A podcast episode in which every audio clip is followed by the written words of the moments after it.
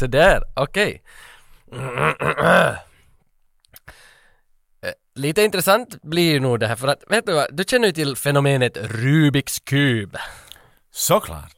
Ja, det var ju som bara en tre, fyra månader sedan, inte ens, alltså till och med kanske bara två, som jag började med Rubiks kub och ha- tänkte att det går ju som inte lösande.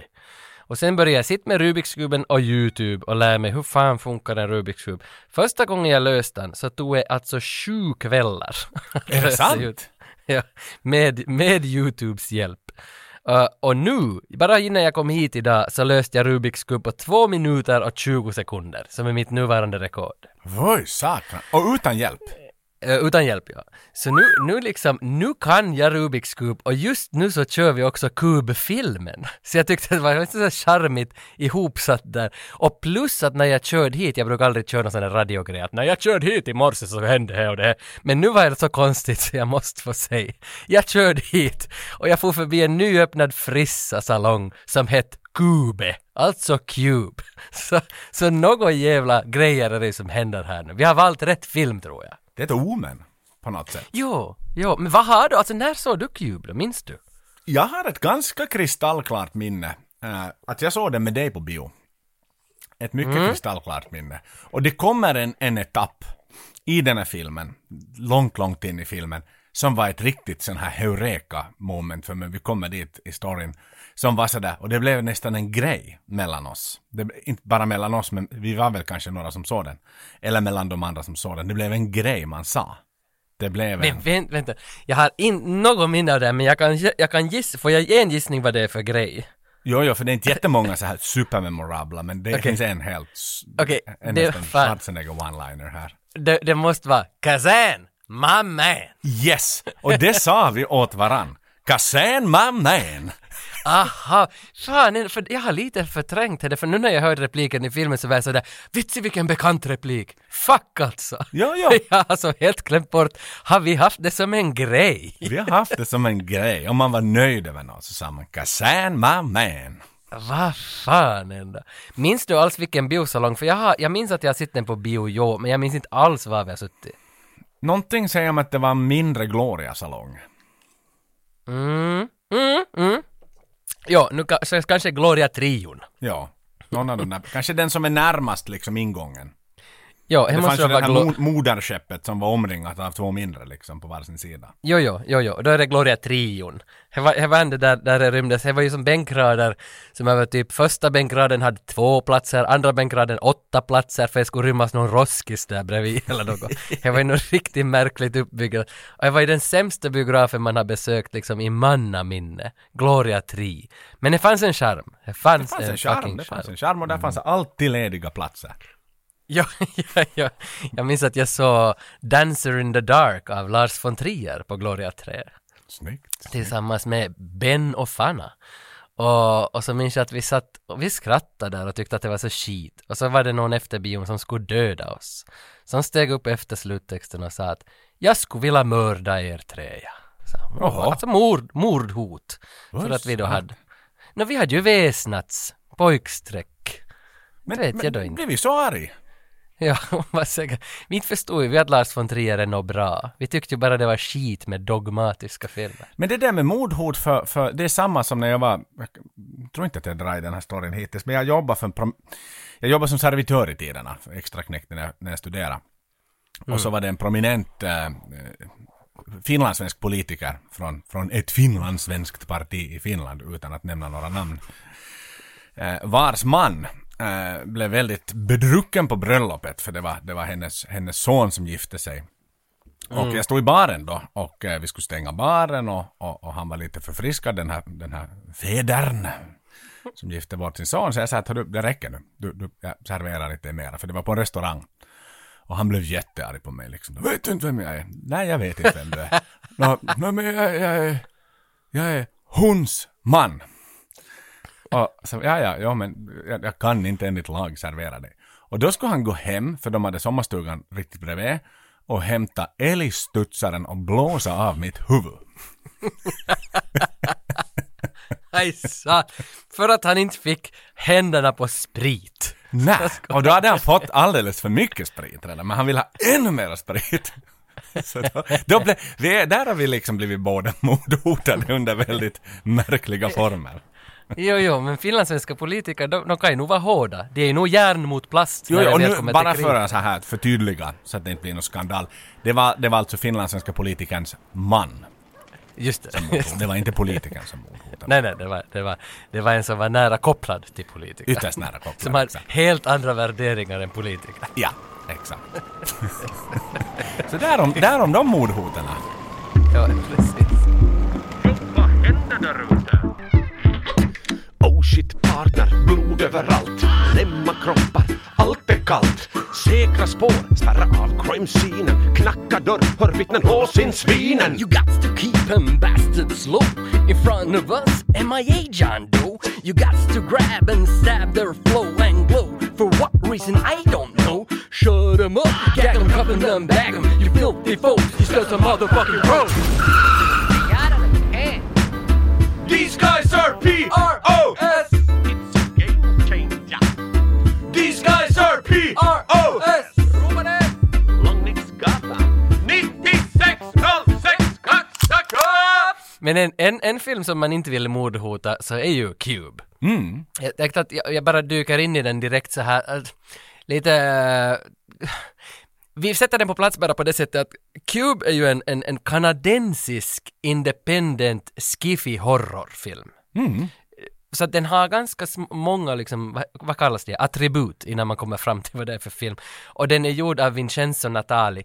Och, och många, väldigt många, den är ju känd den här, det här är ju en kultklassiker, så många har ju säkert sett den och känner till den, men jag vet inte om alla känner till att det finns en tvåa, och det finns en trea, och det finns liksom en remake på ettan. Och, och i korthet, så, äh, den här som vi snackar om nu, det är Cube 1 från 1997. Och så finns det Cube 2 som heter Hypercube från 2002. Och den är gjord av Andrzej Sekula. Och det som är intressant med Andrzej Sekula är att det är Quentin Tarantinos fotograf i både Reservoir, Dog och, Reservoir Dogs och Pulp Fiction. Och och den här Andrzej har ju gjort, alltså han har ju filmat jättemycket filmer, så han har regisserat Cube 2, Hypercube. Och, och sen kommer då Cube Zero 2004 och Cube Zero handlar om vad som hände före Cube 1 då. Och den är lite roligt för att den här Cube Zero är regisserad av Ernie Barbarash. Och Ernie Barbarash har, har gjort alltså 20 stycken, om inte flera, julfilmer i registolen. Nej. Och vi, och vi är ju ganska mycket inne i julsvängen. Så den här killen hade alltså 20 julfilmer. Ingen var hemskt känd. 2023 hade han gjort en som hette The Jingle Bell Jubilee. Och Han går den, i skuggan till Christopher Columbus. Jo, jo. det, det, det är det jag tänker. Att han är en wannabe Chris Columbus, kanske. Men där har han, har faktiskt den här Ernie Barbarash hade en lite märklig sväng på sitt CV att han har gjort Pound of Flesh med Jean-Claude Van Damme 2015. Nåja. En, en renodlad straight to DVD actionfilm. Men han behövde man up, kände han. Ja, kanske. Mycket möjligt. Sen, sen kommer det nu alltså en Cube Remake, den kom ut eh, 2021 och det är nog Japan-typer som har gjort den, jag kände inte till folket där, men den hade alltså 3,0 på IMDB ungefär den här remaken, så den, det, folk kastar skit på den, fast den var japansk. Det brukar ju vara japanerna gör horror, sen gör amerikanerna horror och misslyckas. Japanerna hyllas. Ring ur ring och allt vad det Men det där för mig lite tillbaka till en film som vi har tassat kring. Das Experiment. Det gjordes ju en amerikansk remake på den. Jo. Äh, med, äh, vem tusan är det nu som är med? Han... Är Adrian Brody tror jag spelar liksom huvudrollen i den. Och Jo, den är ju också jo, riktigt bedrövlig den amerikanska remaken. Ja, det brukar ju, det brukar ju fara åt det hållet, liksom att man misslyckas på amerikansk mark, men man har lyckats i, i Japan. Men, men här så, ja, nu är vi på kanadensisk mark, kanske kanadensarna, när de blir remakade av Japan så skiter det sig. Who knows? Här är ett exempel. Jag har nu inte sett Cube Remake, jag har sett de andra tre, men jag har inte sett Cube Remake, så jag kan inte uttala mig om den är skit, men jag misstänker att den inte är så bra ifall alla recensioner pekar på att den var skit. Nåja, men Cube 1 i alla fall, uh, tillbaks lite till Vincenzo Natali. Uh, den här, alltså han har ju inspirerats, den här filmen, av Hitchcocks den här Lifeboat från 1944 som utspelar sig bara på en livbåt då som driver iväg från ett skepp. Hur det, jag har inte sett den här, eh, men det Där är alla bara- människor sitter. Det är inte någon som står i bilden utan en enda gång. Är, är, har du kollat bilder från den? Nej, jag läste mig till det. Okej, så alla sitter i I hela filmen? Okej, Okej, för jag har inte sett den här. Jag har sett kanske eh, oöverdrivet kanske 50 Hitchcock-filmer. Men den här har jag inte sett. För någon gång tillbaka till Antilla, Top 10-avdelningen i Vasa. Där sålde de en gång ut de här Hitchcocks tidiga stumfilmer. Från 1919 typ och framåt, eller 20 kanske. Så sålde, vet du, det fanns typ 40 stycken på VHS och de kostade ett euro styck. Och jag köpte alla. Jaha. Och sen under, under ett års tid så såg jag alla de här silent films av Hitchcock. Så där har vi ju redan typ 30 filmer innan vi börjar prata om de här vanliga Hitchcockarna. Men Lifeboat är från 44 och då fanns redan ljud. Så därför har jag inte, eller den, den kom jag aldrig över.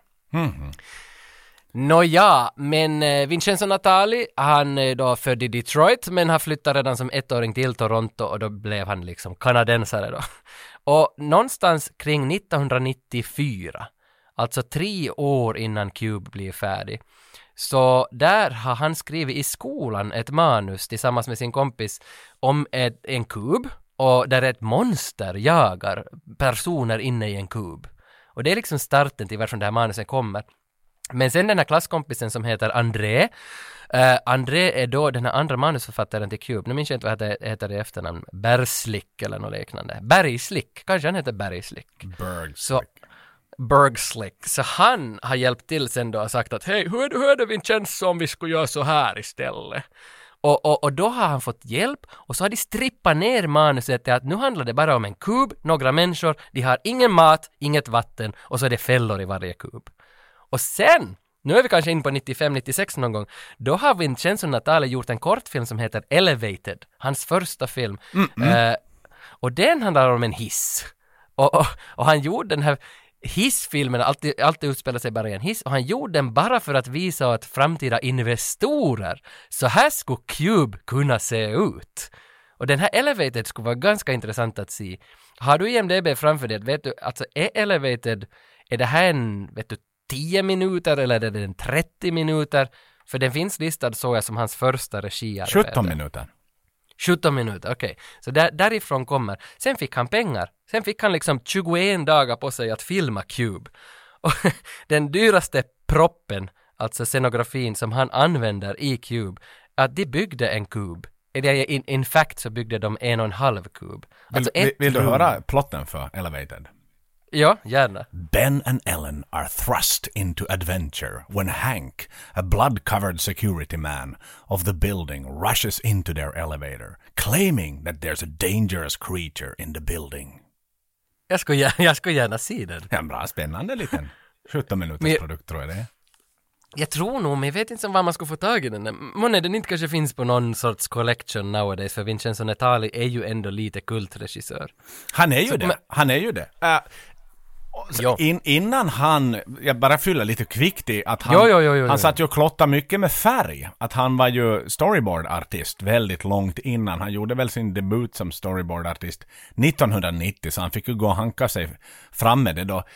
Bland annat för Beetlejuice. Tintin, hör och häpna, gjorde han för 13 Ja. episod storyboard. Jättemycket för något som heter eh, Little Bear, Lilla Björnen. Där har han gjort väldigt många. Och sen någon typ av Boys Jo. Club och så vidare.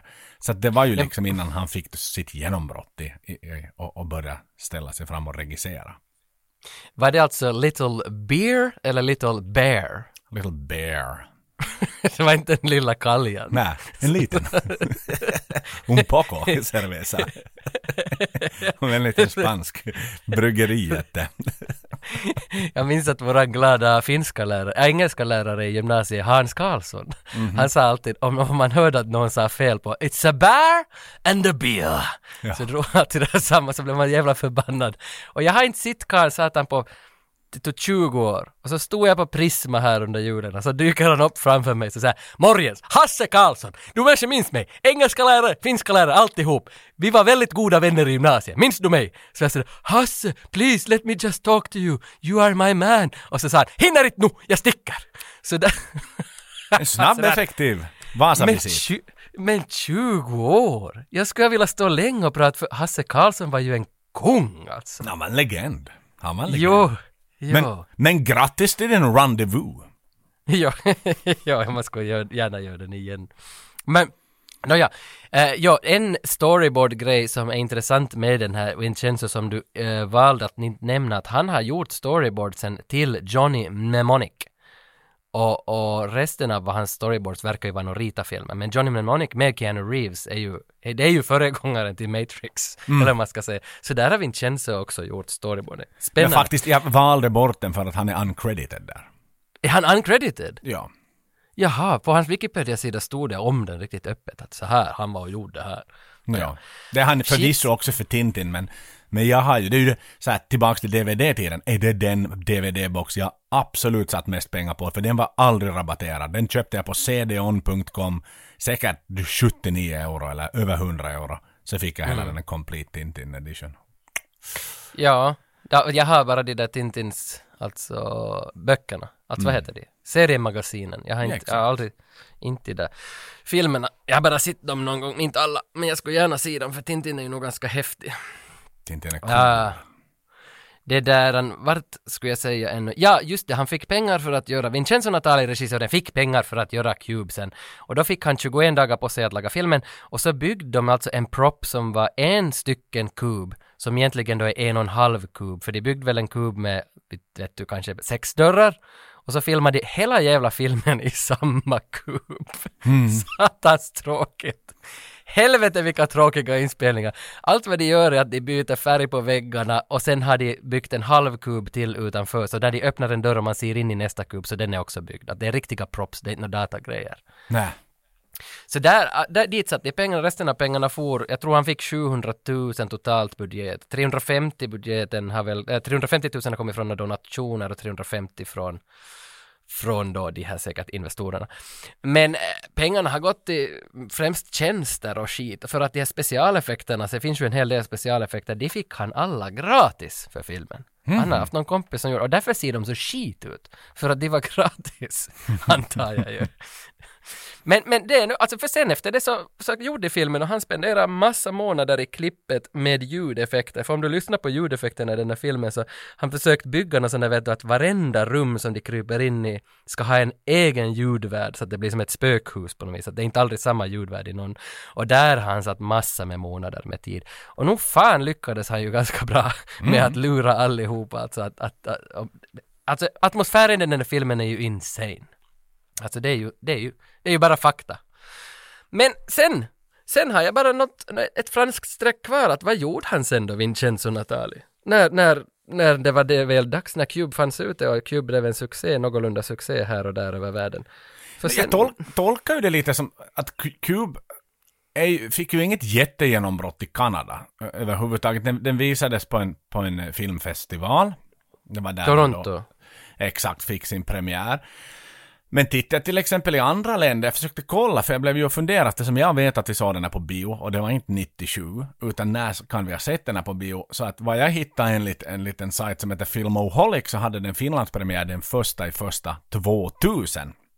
Så det känns jo, ju alltså som den, att den här var och sveva runt vet du väldigt länge. Det var en indiefilm så det är ju inte sådär som, som eh, no, Die Hard f- 67 som kommer imorgon som har liksom global premiär överallt utan det kunde dröja två år innan den fick premiär i ett annat land. Och eh, där blev jag lite att fundera just precis bara för att svara på din fråga då, att vad hände sen? Och det hände inte så det jävla mycket sen utan det 1998 kom och inte hände någonting, 1999 kom och det hände absolut ingenting, millennieskiftet kom och han smällde av sina raketer. Och inte var det någon som ringde i telefon och 2001-21 när terroristattackerna skedde i landet han ännu inte bodde i men granne till så nej inte var det någon som ringde inte 2022 också jävligt tomt. Sen kanske 2022 där på slutet så ringde de och då, då var det hej nu ska du få en ny en ny liten film här att jobba med. Och då var det filmen Nothing som han fick. Och, och det är fortfarande, det är inte stora genombrottet trots att den här då snurrar runt liksom på, på allehanda paviljonger och biografer världen runt utan det är en lite mindre indiefilm igen som kommer ut. Eh, lite i samma så här stuk, det är lite mystery, det är lite, det är inget love-drama och så vidare. Sen gör han någonting där han är han är, han är också skribent. Paris Je Tanné. Sen den kommer två- 2006, tre år senare efter det. Sen ytterligare tre år senare får han göra Splice med vår vän, som vi just pratade om, Adrian Brody. Som faktiskt Ja, ja men Sp- Splice är väl ganska kultig. Ja, men, men det är så här, tittar du till actors han har jobbat med, det är inga stora namn. Det är ju hon, eh, Lucy Liu och, och Adrian Brody. Det är typ de enda två A-list actors han har jobbat med. Jo, men eh, den här Paris Chetem, där hade- var det väl flera kultregissörer som gjorde en och samma film, alla fick göra ett segment, som i den där Four Rooms som Quentin var med och Yes, gjorde. något ja det är tre regissörer på den filmen. Och inte fan liksom, inte typ Coen-bröderna och Vincenzo Natali och någon till? Eh, nej, det är Oliver Assayas, A- A- Assayas, Fredrik Aubertin. Jaha, så det var inte riktigt det, jag, jag hade misstänkt. Men i alla fall. Chadar, Chadar. Haha, jag ska sluta prata utländska namn. Fan, Men, Ja. men intressant, intressant med, med Natali är ju att han nu 2022 eller 2021 när den kom så gjorde ju den här för Netflix, Guillermo del Toro, han som ändå är ett supernamn. Han släppte ju loss med det här Cabinet of Curiosities där han hade samlat åtta skräckfilmer på Netflix. Alla är typ en halvtimme eller något. Och en av dessa fick Natalie göra åt del Toro.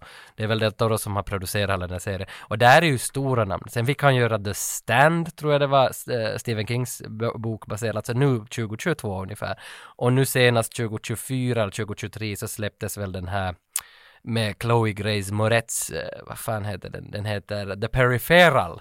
Peripheral på Amazon Prime. Så nu, nu gör han, han har ju också varit, han har ju gjort flera avsnitt där, Westworld, han har gjort Hemlock Grove, Hannibal, Luke Cage, han har gjort massa Jo, jo, stora jo, jo, serier men efter igen, 20. det är sån här selected episodes. Det är lite, Jo, jo, jag minns jo, inte jo. vem det var vi snackade om här som, som lite vet du, visst det är ett steady, steady record, liksom varje år är det någonting man är krediterad för. Men det är trots Mm. allt liksom Season 3, Episode 4 and 6. Jo, jo, jo, så är det, så är det, så är det. Och inte är det ju är Sopranos han är och registrerar om vi säger så. Nej, men det är Hemlock Grove och Westworld. Jo, ja, men Westworld lades ner av en anledning, Tage min vän. Jag tyckte jättemycket om första säsongen, jag tyckte lite om andra säsongen. Jag Ja, jag har bara färdig. sett, jag har sett era första tror jag, jag vet inte om Och jag den var superspännande. Men sen, sen tog idéerna slut. Nå, jo, Det är så lite som att väl. göra en tv-serie av The Cube. Jag menar, hur många kuber kan du spränga igenom innan, innan Ja, men- Network stänger ner dig? Ja, för att det, det verkar ju som att liksom med det Cube 2 så var det så att Cube 2 är helt eh, absurd. Alltså det, det är som bara de försöker mjölka på det här projektet, men det är som inte, och Cube Zero, alltså Cube 3 då, den visar väl tillbaka lite varför den där kuben finns. Ja. Men direkt man sätter liksom ord på varför den finns och vem som har hittat på det, så är det som att all luft dör. Det var ju mycket bättre att bara hålla den så här som han gjorde i ettan då, att vi får inte fan veta någonting annat att det finns ett skal som någon har byggt i den. Typ, alltså, Nej, vi vet ingenting. Bättre. Nej, nej, och det, det tycker jag är mycket nice, najsigare. Att jag tycker det är sabbat igår gör de här tvåan och trean. Ja. Ja, ja. ja, för taglinen för trean var typ att liksom, the movie that explains it all, liksom. Ja. Sånt. ja, och inte vill man ju ha den där explosionen. Man tror man vill ha den, men när du får den så vill du inte ha den för den var så skit. Ja, för då var det ett så här halvdåligt manus som inte var så jäkla Ja. genomtänkt. Liksom. Det var Exakt. inte ett sådär, oh no! Ja, ja. Äh, ja, Ja, men lite fyll, fylla i med den här då. Den, den, eh, som sagt, den var ju Italien-premiär var det 99 och Tyskland skulle vara samma år 99. Jag kan ju lyfta upp att vi pratade om den japanska remaken som kom ganska nyligen. Det blev den bästa filmen när det kommer till videouthyrning. Och, och, och någon analys, medförfattaren till filmen, eh, Graham Manson, hans liksom så här, hm, varför blev den här så populär i Japan? Så är det att människor i Japan har en bättre förståelse för att leva i lådor och därför resonerar bättre med den japanska publiken. alltså det är så, fan, det är så jävla långsökt. Men det är säkert, kanske det ligger något i det. Vem fan vet. Det är live-in boxes. En Japan, they live in boxes. Ja, Exakt. Det måste ju vara... That's they måste love films about boxes. De känner sig hemma när de är på lager på Ikea också. Titta, titta, en låda, en låda. Som hemma. Nej, fan ändå. Japanerna är alltså- jättebra lagerarbetare. Ja, ja. Just like coming home. Jävla bra. Det, eh, jag tror inte, det, det där har nog någon sagt som bara har, har dragit det ur hatten. Det finns ingen som har kollat upp någon fakta med det där. nej, nej, nej, det var... väldigt spännande att man valde just det. Du var inne på att filmen kostar 350 kanadensiska dollar, eller ju 350 000 kanadensiska dollar att, att, att producera. Tutti Balutti så drog den ju faktiskt in en nettsumma, 8,9 miljoner drog den in, US dollars, då kan jag anta att det är. Vilket så här, i, i gånger filmen så blir det ju väldigt, väldigt mycket. Det är ju åtminstone eh, om du nu tar tio... Alltså sju- 700 000 har varit totala budgeten enligt Wikipedia. Aha, okej. Okay. Men lek med det då. Men eh, det är ju tio gånger vad den här kostat hade den åtminstone dragit in plus. Jo, jo. Jo, jo Så sett jo. till Jingle All The Way som vi pratade om senast så, så var ju lite kantboll liksom. Den, den smakar ju nästan lika mycket som den kostar. Ja, ja. Men, men du talade tidigare, för att det, ja, den är gjord 97, vi såg den 2000 första gången på bio. Och det där berodde mycket på att de, de fick den, de fick största pris på Toronto Filmfestival och de fick alltså, när, men det var inga, vad heter det, filmuppköpare och investorer och sådana som sen satsade på att sprida ut den för att de märkte att den är så svår att sälja att du måste lägga så helvetes mycket pengar i den för att få den såld till bio runt i världen, att folk ska bli intresserade av den. Men det var någon fransman sen som älskade den här filmen så mycket så att han investerade flera, var det nu flera miljoner till till och med i marknadsföring för den och att få den till Frankrike. Så då från franska biomarknaden sen som den spred sig ut i Europa, att i Frankrike började därför, men Kanada, Frankrike, det är ju typ samma land också. Så eh, är inte Céline Dion är väl, det är väl, hon är väl, hon är Kanada, Frankrike. Men ja, så att därifrån så tror jag det for, jag hittade någon längre artikel om det där varför det tog så där länge och varför den kom så sent till Europa. Mm. Men, men där, in a nutshell, där har vi ju Vincenzo Natali. Nu har vi inte nämnt en enda skådis i filmen och orsaken till det är att varendaste en är väl hans kompisar från Kanada. Yes. Alltså som, som sen har lite växt till sig, vissa har fått lite större roller efteråt men inte hemskt många. Uh, intressantast med alla skådisar så tycker jag att varenda namn i filmen, av de sex skådisar här, så är alla nam- namngivna efter ett fängelse i världen. Och det tycker jag, det, det är lite nice att de har hittat på det i manuset för att kuben är ju lite som ett fängelse då. Eh, men skådisarnas, resten så, det är inte, det är inte några stora namn. Det, det är sådana som har spelat vet du i skilda världar i Sverige, typ. Men Kanadas skilda världar. Ja, ja, ja, ja, ja. Extremt skilda världar. det, det, det också. ja, ja, men klickar man liksom The Kid Detective, Quentin, som är då, kanske kan anses ha huvudrollen här så. Spelar en konstapel där passande nog. Han har ju vanan inne så att säga. Ja, och han är ju en fattigmans The Rock. Eller hur ska man säga? Ja, han liknar men- ju The, The Rock lite, men han, han är bara, han är ju Det inte någon bra skådis. faktiskt. Lite mindre, lite linare muskler och lite, lite mera kanadensisk. Ja, och, och, och allihopa, han är just The Rock-killen här nu, alltså Quentin, vad han nu heter på riktigt, han är ju som, han är ju nog ganska skitskådis. Ja. Alltså, och det är, ju, det är ju flera av dem. Maurice Dean Wint. Det, ja, Maurice Dean Wint heter ja, ja, ja, ja. Quentin, från fängelset San Quentin. Men vad fan Okej. Tage! Jag liksom känner mig lite så här, julen har jag lagt bakom mig. Vi har satt två, ett kort julaftonsavsnitt och ett ordinarie avsnitt på julen. Nu är det vi inne i det nya året, det är 2024 års första film vi ska snacka om. Vårt poddens första hela filmår. Så jag känner mig riktigt sugen och, och, och spela en trailer. Hur känns det för dig? Ja, väldigt eh, överraskad främst över att Kalle Ankas julavsnitt att det var ganska många jävlar som har suttit och lyssnat på det på julafton. Och vi fick till och med flera meddelanden av folk. Tack, tack. Jag sitter i bil säkert sju timmar per julafton och ni räddar en timme av dem. Tack. Så det var, det var faktiskt, det var mig ni talade till. Ni sa att ni talade till de som sitter i bilen. Och det är fucking jag. Så Fan, det var, det, det var många som faktiskt hade lyssnat under julen och faktiskt att det drog till sig mera lyssnare än Jingle All The Way avsnittet. Så att man blev riktigt sådär att wow! Oho. Så ju, julaftons avsnitt lönar sig om man är på jakt efter kvalitetslyssning. Det lägger vi bakom örat definitivt. Jo, men 2024 ser väl ganska ljust ut. Alltså, liksom, vi, vi inledde med Cube som är ändå en, en indiefilm och, och, och som är en väldigt omtyckt sån och som jag själv gillar. Och sen ska jag se vad vi har här, liksom, när man bara tittar på lite sådana filmer som vi har talat om att vi borde göra. Så vi har så jävla lång lista, här är ju säkert hundra titlar på grejer som vi skulle kunna ta oss an under 2024. Den som jag mest ser fram emot är alltså Seventh Heaven som gick mellan 96 och 2007. och det tycker jag ändå att det kommer att vara värt ett avsnitt. Och sen måste vi ju i någon mån angripa Jack Sparrow, Pirates of the Caribbean kan nog bli ganska lite roligt också att någon gång ta sig an. Det, fin- det finns ganska många sådana stora titlar som vi kommer att ta När oss an kom ettan? Pirates. Pirates of the Caribbean. Jag tror att den är 2002 eller 2001 eller något sånt där. Nej, det var sen så kom- Jo, och sen så dyker de väl upp titt som tätt med två års mellanrum eller sånt där. Men vi har nog ettan, tvåan, trean skulle jag tro att det är inom våran barrier. Eller Ja, ettan och tvåan i alla fall.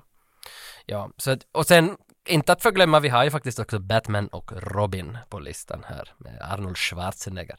Så det kan ju vara Det någonting. finns, det finns jättemycket bra filmer att snacka om Tage. Ja. Det finns det. Jag funderar, vi skulle ju dessutom vilja röra James Bond i något skede som ändå är din, din gebit. Att vilken Bond är det vi har i våran spann? Mm. Är det då Casino Royale? Är det den som vi har där? Ja, och sen har vi ju Pierce Brosnan så det bara sjunger om det förstås. Ah, just jo, jo, jo, vi har ju från, jo, jo, okej, jo, jo, Så jo, det kan jo. vi ju alltid ta. Någon skit. De är ju alltid roliga att göra lite narr på, för det är ju kanske inte med undantag för Goldeneye, så är det kanske inte de mest genomtänkta. Det är lite sådär, det är ju när Bond hade en identitetskris liksom. Man, det var Ja. kvinnorna från 70-talet, eh, i, i modern teknologi från slutet av 90-talet, början av 2000-talet och sen så blev det inte en bra match. Sen kom Blond Bond in och, och, och alla var riktigt anti honom och sen ställde han allt på sin rätta igen så att säga för fansen. Precis. Och gjorde Bond större än vad Bond kanske någonsin har varit. Ja, ja. Ja men vi har, vi har, vi har mycket att gotta oss i över 2024 och vi börjar med trailern av... Ett sista litet önskemål! Ah, okej, okej. Jag såg en, en, en tredelad dokumentär om Killinggänget på SVT. Är ni sugna så finns det på SVT Play också utanför Sveriges gränser, så man kan se på det överallt. För oss Ah, som alltså, älskar sån ja. nostalgi. Och, och jag menar när de går igenom fyra små filmer. Så jag menar sådär, jag bara kastar in det, men Tallinn 98-gänget hade ju varit intressant att sätta tänderna i också. ja, det måste väl ändå vara den filmen. Nå, Dumb and Dumber har jag sett flest gånger. Ace Ventura 2 kanske på andra plats och sen kommer väl Tallinn 98-gänget. Vad tredje plats. Tage, vilka är vackrast? Vi! Vilka är bäst? Tallinn 98-gänget! Här kör vi trailern. Så, hjärtligt välkomna ska ni vara till detta bussarrangemang i hjärtlighetens tecken. Jag heter Percy Nilegård och är er färdledare. Dessutom är jag VD för Globigård Incentive Resor. Jag har arbetat med sådana här Get Together 24 år nu och kan garantera er en upplevelse utöver det normala. A cube. 26 rooms high, 26 rooms across. 17,576 rooms. Does anybody remember how they got here? Why would they throw innocent people in here? Are we being punished? There's a way in here, so there's gotta be a way out. Do you think they'd go to all the trouble to build this thing if we could just walk out? You're not getting out of here. Yes, we are! There is no way out of here! We need to get around the traps. They're identified by prime numbers. Figure it out. I can't! I'm not dying in a rat maze! No more talking. No more guessing. You gotta save yourselves from yourselves. We haven't been moving in circles, the rooms have. We are the key. The cube is us.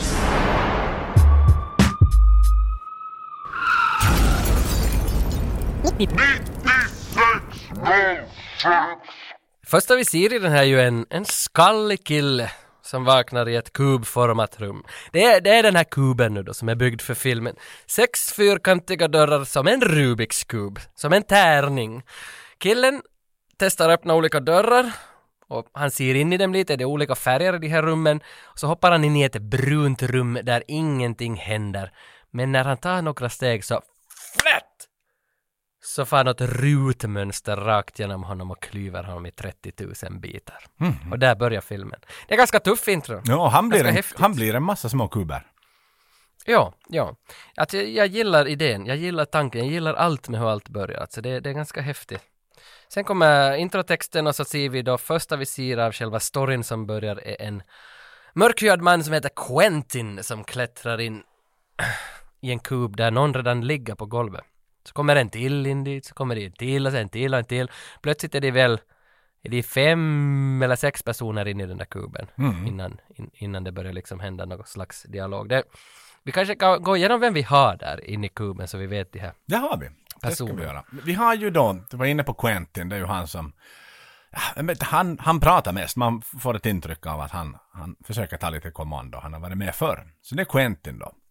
Sen har vi en, en, en ung, tystlåten, väldigt ung tjej med glasögon som heter Leven. Jo, eller Leven. Leven, Leven. Ja, för det kommer väl från Leavenworth fängelse. Exakt, Det var ju alla eller någon- Levensworth som man säger. Vad säger den här, den här jävla Pocahontas-killen som berättar hur, hur bilmärket ska uttalas? Vad fan har jag glömt vad han sa? Ja, alltså det var, vilket bilmärke? Fan ändå. Det var på P. Ja, det var Pontiac. Ja, Pontiac. Vi säger Leven. Bara för att det blir lite närmare Stranger Things. ja, ja. Ehm, och sen har vi, vad sa du, Quentin och Leven och så har vi Worth där väl? Mm. Eh, och det är från Leavenworth, det är andra delen av Leavenworth Prison. Quentin San Quentin. Och så har vi en äldre man som kommer uppifrån, från en dörr upp i taket. Och han heter då eh, Rennes, Rennes. Och det är ett franskt fängelse i staden Rennes som heter något sånt där Penitentiary of Rennes. Eh, och sen har vi en till, vem fan är det nu? Holloway. Det gam... Holloway ja, och det är kvinnofängelset Holloway i Los Angeles tror jag det Och hon är då en läkare. Quentin är polis sa du tidigare, Holloway är läkare, Leven är studerande, Worth är nihilist, hatar allt. Mhm. Och gamla mannen Och Ren är en kåkfarare. gammal kåkfarare som har rymt från sju fängelser. Ja. He's an escape artist. Harry fucking Houdini over here.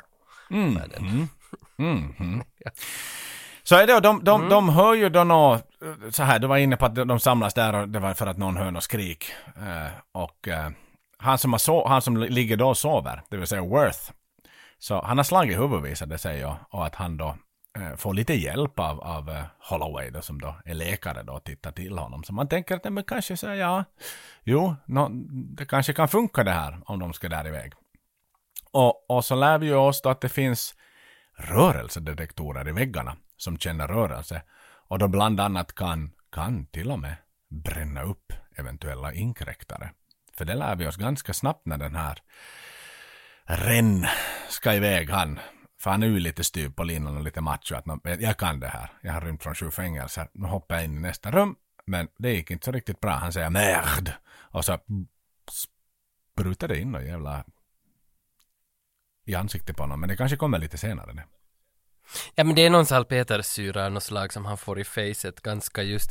Men det är alltså det som de alla har gemensamt på något vis, de här typerna att inte en jävel av dem vet ju varför de är i en kub. Och det här är ju en fråga som de ställer sig i hela filmen, som är när sluttexten rullar så vet vi fortfarande inte. Vi får, in, det förklaras aldrig något, varför är människorna i en kub, vem är de här människorna, varför just den här konstellationen? Och det är det som är så charmigt med filmen, att man hela tiden bara går och frågar hela tiden, varför, vem, vem, vem? För någon av de här tror ju att de är övervakade, att det är en Big Brother-grej. Någon tror ju att det här är någon miljonärernas dyra program, vet du, att hit slänger vi en massa folk och dödar dem en efter en så får gänget utanför bara välja hur de ska dö liksom och sen är, någon tror att det är något spel och ing, alltså, Någon tror att det är utomjordingar.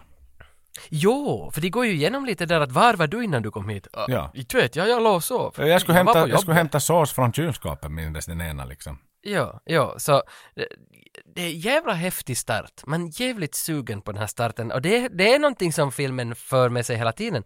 Alltså, vad heter det, så här framåt rörelse i varje scen, att man får alltid veta lite, lite till, lite, Mm. lite till. Och att det sugs in, man suger in, man vill veta mera och det är så jävla tight atmosfär. Det är jävla, yes, yes! Någon som lyckas, indie, indie-marknaden. Så är det så. Och, och de tänker nej men så här, starkast tillsammans. Det är bättre än att vi alla går i varsitt hål och sen så håller vi tummarna att vi ses någonstans utan vi håller ihop. Och eh, då märker de ju, då är det väl Ren som egentligen har hittat på något tricks att man, om man, för de har skor och en fängelsedräkt på sig. Det är där det står Ja. det här fängelsenamnet då. Så att om de tar skon och så tar de skosnöre och liksom kastar in det i nästa kub så, så får de liksom veta att är det några rörelsedetektorer där som, som bränner upp mig eller vad är det som händer. Eller, eller är den här kuben så att säga ren? För, att, för vi lär ju oss att alla kuber är inte farliga. Jo, jo, jo. Och, och dessutom lär vi oss att vid varje kubs ingång så finns det nio siffror. Att Ja. alla liksom upp, upp att hej, här står de här siffrorna, här står de här, kan vi gå in när det står sådana här siffror? Hur, Ja, hur the fuck rumsnummer eller serienummer på själva kuben. Ja, och, och läkaren Holloway räkna, börjar direkt räkna upp hur många dagar man kan klara sig utan vatten. Hur många dagar kan man klara sig utan mat? Och att var, när tar psyket över? När blir man sjuk i huvudet? Och när blir man hungrig? Och när ska man inte mera sova? Och så där de går igenom att alla har ju någon slags såna eh, katastroftankar, eller hon har katastroftankar. Och, må, och det, det bildas ju direkt en sån här gruppering, en sån här Robinson-ö, vet du. Att här är alla väldigt olika. Och ingen har med sig någon personlig sak. men, men, men att de, de har alla ett, ett väldigt personligt eh, Eh, lynne. Liksom, ingen är ju lik den andra. Och det kanske du sa att Quentin då, den mörkhyade ledaren, så han som lekte The Rock, så han är ju väldigt direkt från början är det han som tar täten. Han leder gruppen. Han säger vad alla får göra. Och man märker ju där också att flera av dem irriterar sig lite på honom. Att varför ska du vara ledaren? Så att där är ju redan the seeds have been planted. Att det här kan skita sig med den här gruppen. För att någon Ja, de, de på sig. söker inte omedelbart efter en ledare som ska leda dem till trygghet, utan det är lite så här, det är ändå ganska starka karaktärer som har en egen vilja. Mm, mm, mm, ja. Nåja, men de hör mekaniska ljud utanför kuben. Och sen så den här just gamla mannen som du pratade om, Ran, så då vill ju snuten, alltså The Rock, vill ju veta direkt att hur fan kan du veta så mycket om sensorer och celler? Då kommer det fram just det att han har smitit ut ur massa fängelse, han är professional escape artist. Och, och i något skede när de har kastat in de här skorna och märkt att det är fällor överallt, så då ger ju alla direkt i filmens början ganska mycket upp. Att det är sådär att, att vad fan, att it, it, it, it, it kan, vi kommer att dö här, vi kommer att dö. Och alla börjar grubbla om sina bakgrundshistorier, att varför har vi samlats? Så det är ganska mycket filosofi. Och här kommer nog liksom skådespelandets talang, eller skådespelandets artisteri, eller vad ska jag säga, in i fokus. För att hon den där Holloway, som är den här läkaren, så, så börjar ropa det där They stripped us! They came into my home! They took my rings! Och där inser man, fy fan vad skit hon är på att skådespela. Och fy fan vad det är dåligt skrivet. Alltså manuset, jo jo idén bra, men vissa av de här dialogbitarna det är så jävla avgrundskacka så det är riktigt bajs alltså. Och det, när man läser lite recensioner av den här filmen så fy fan vad folk går hårt, hårt åt dialogen.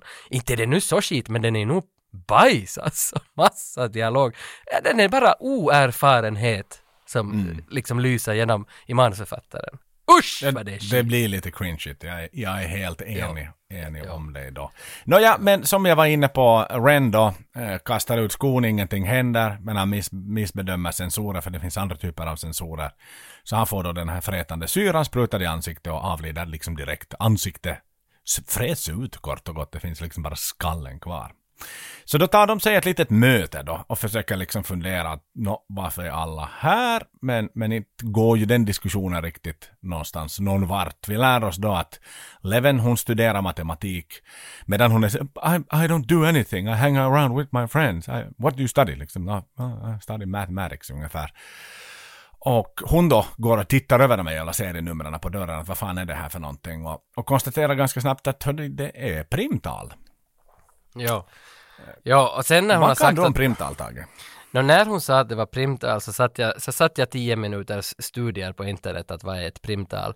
Och jag, jag blev bara dummare av att läsa vad det är. Så jag, jag vet inte vad ett primtal är fortfarande. Ja, alltså ett tal som kan delas med sig själv eller med ett. Ja, det är den enkla förklaringen. Men sen blev man sådär att okej, kan 20 delas med sig själv? Ja, men vad då delas med sig själv? Vad, vad, vad betyder det? Kan du förklara för mig primtalets betydelse? Jag satt och såg någon video, för mig, tydligen i sjuan i, i, gör man det i matte. Eh, För jag satt och själv och försökte förstå det bara här tidigare i höstas. Så om du hade dina kuber du såg så satt jag med primtal här på någon jävla learning Okej. tablet här tidigare i höstas. Så jag förstod ingenting heller, jag bara låtsades nicka och så, "Äh, nu är det här sa jag åt min dotter. Men jag fattar ingenting själv. Nej men du, jag fattar för att, för att det stod ju som att primtal, att det finns och, och folk som lyssnar på det här som vet vad ett primtal är, fy fan vad de måste tycka att man är en idiot. Nej men Tage, hade du och jag varit briljanta primtalare hade vi haft mattepodden. ja, inte. Vi är inte. Det är, det är inte för oss det här med primtal. Jag har försökt faktiskt förstå vad det betyder. Det är ett tal som kan delas med sig själv. Okej, that's the simple solution. That's the solution. Vi lämnar det där. Nå i alla fall, men det vi då lär oss att om det är ett primtal så då är kuben osäker och om det inte är ett primtal då är kuben säker. Så de kan då ta sig vidare genom labyrinten på det sättet. Ja, och sen, sen tycker jag om, för sen, sen börjar man visa liksom på något sätt att tiden går när de håller på och hoppar genom de där rummen. De crossfadar mellan bilderna och så kommer den där fantastiska låten som inte jag nu vet vem som har skapat med den där viskande rösten. Där tsk, tsk.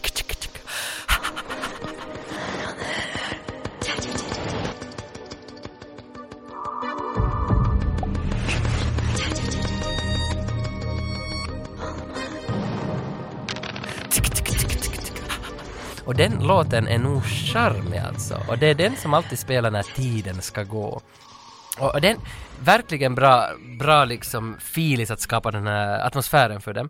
Och sen slutar det här lilla, vad ska man, det är nu ett montage att tiden går, med att, att just den här Kazan som vi nämnde i början ramlar ut ur ett rum framför dem på golvet. Ja, från luckan i taket ramlar han ner. Ja, han är ju nu en person med någon slags funktionsvariation eh, som jag nu inte riktigt kan sätta fingret på. vad det. Autist. Autist, det, kan det vara Asperger inblandat? Autist skulle jag nog säga. Renodlad, autist. Men måste ju vara ganska grav, högt på skalan liksom, för att han, han kan ju inte prata i princip. Ja, ja han- nej, nej, men jag jobbar ju på Korkulla som är, som är då, som Ja. vård, vårdhem för finlandssvenska. Uh, såna, vad, vad är det korrekta ordet nu då Tage? Jag vill inte sätta mig här i rävsaxen nu. Det heter funktionsnedsättning tror jag det, det Nej, nej, nej, nej, nej, nej, det har vi ändrat för några år sedan. Det heter funktion, person med funktionsvariation. Person med, han är då, och, och jag skulle säga att där jobbade jag med personer med funktionsvariationer och jobbade med eh, två väldigt grava autister som inte pratar överhuvudtaget. De löste inte primtal heller för den delen, men, men eh, det, var, det var ren och skär autism. Ja, precis. För, nåja, men den här som ramlar ner autisten då, men autism, autist kan man ju ha liksom fast man är helt liksom normalt funtad. Jo, jo, jo, men du kan vara gravt autistisk. Ja, ja, du, okej, tappar, mm. du kan inte ta, ha tala och så vidare. Du kan få olika utbrott och sådär. Men nu ska jag spränga din bank här. Det här, det här kommer du inte att tro att det är sant. Eh, eh, men det är han som spelar Kazan, heter på riktigt Andrew Miller. Han är manusförfattare och han har skrivit en film som vi har nämnt här i vår film att vi båda skulle se och jag tror inte att du har sett den och jag har inte heller. Den heter Simon Says med Dennis Rodman. Hej, på riktigt? Ja, och den är skriven av Kazan, my man. Nej! Jo, och det är som helt sjukt hur, hur cirkeln sluts. Det här är bara typ ett år efter att Cube har släppts så har Kazan skrivit Simon Says Då gick han och skrev Simon Says. Fan var så imponerad. av Double Team. Åh, Dennis Rodman. Han tänkte, fan den här killen ska jag skriva en roll åt direkt. Nej! Ja, ja. ja det, här, det här kom jag över i misstag på IMDB när jag klickade på Andrew Miller och var sådär vad har du varit med i? Så började man scrolla lite. Vad fan, du har skrivit mycket manus. Vad har du skrivit då? Ja, massa skit. Och sen stannar min jord. Allt bara slutar fungera. Simon Says. Simon Says. Fan vad respekt. Ja, ja. En Ja, eloge så- åt Andrew Miller, a.k.a. Ja. Kazan här. Ja, men nu blottar vi också vår egen okunskap, eller oförträfflighet, att du har ju inte sett Simon Says än, och jag har inte heller. Eller, det, vi måste se den, för det kan nog hända att vi behöver analysera Simon Says. Ja. Nåja, men nu är det hela gänget samlat. Mer folk blir det väl inte i den här gruppen nu, utan här är nu alla sex personer.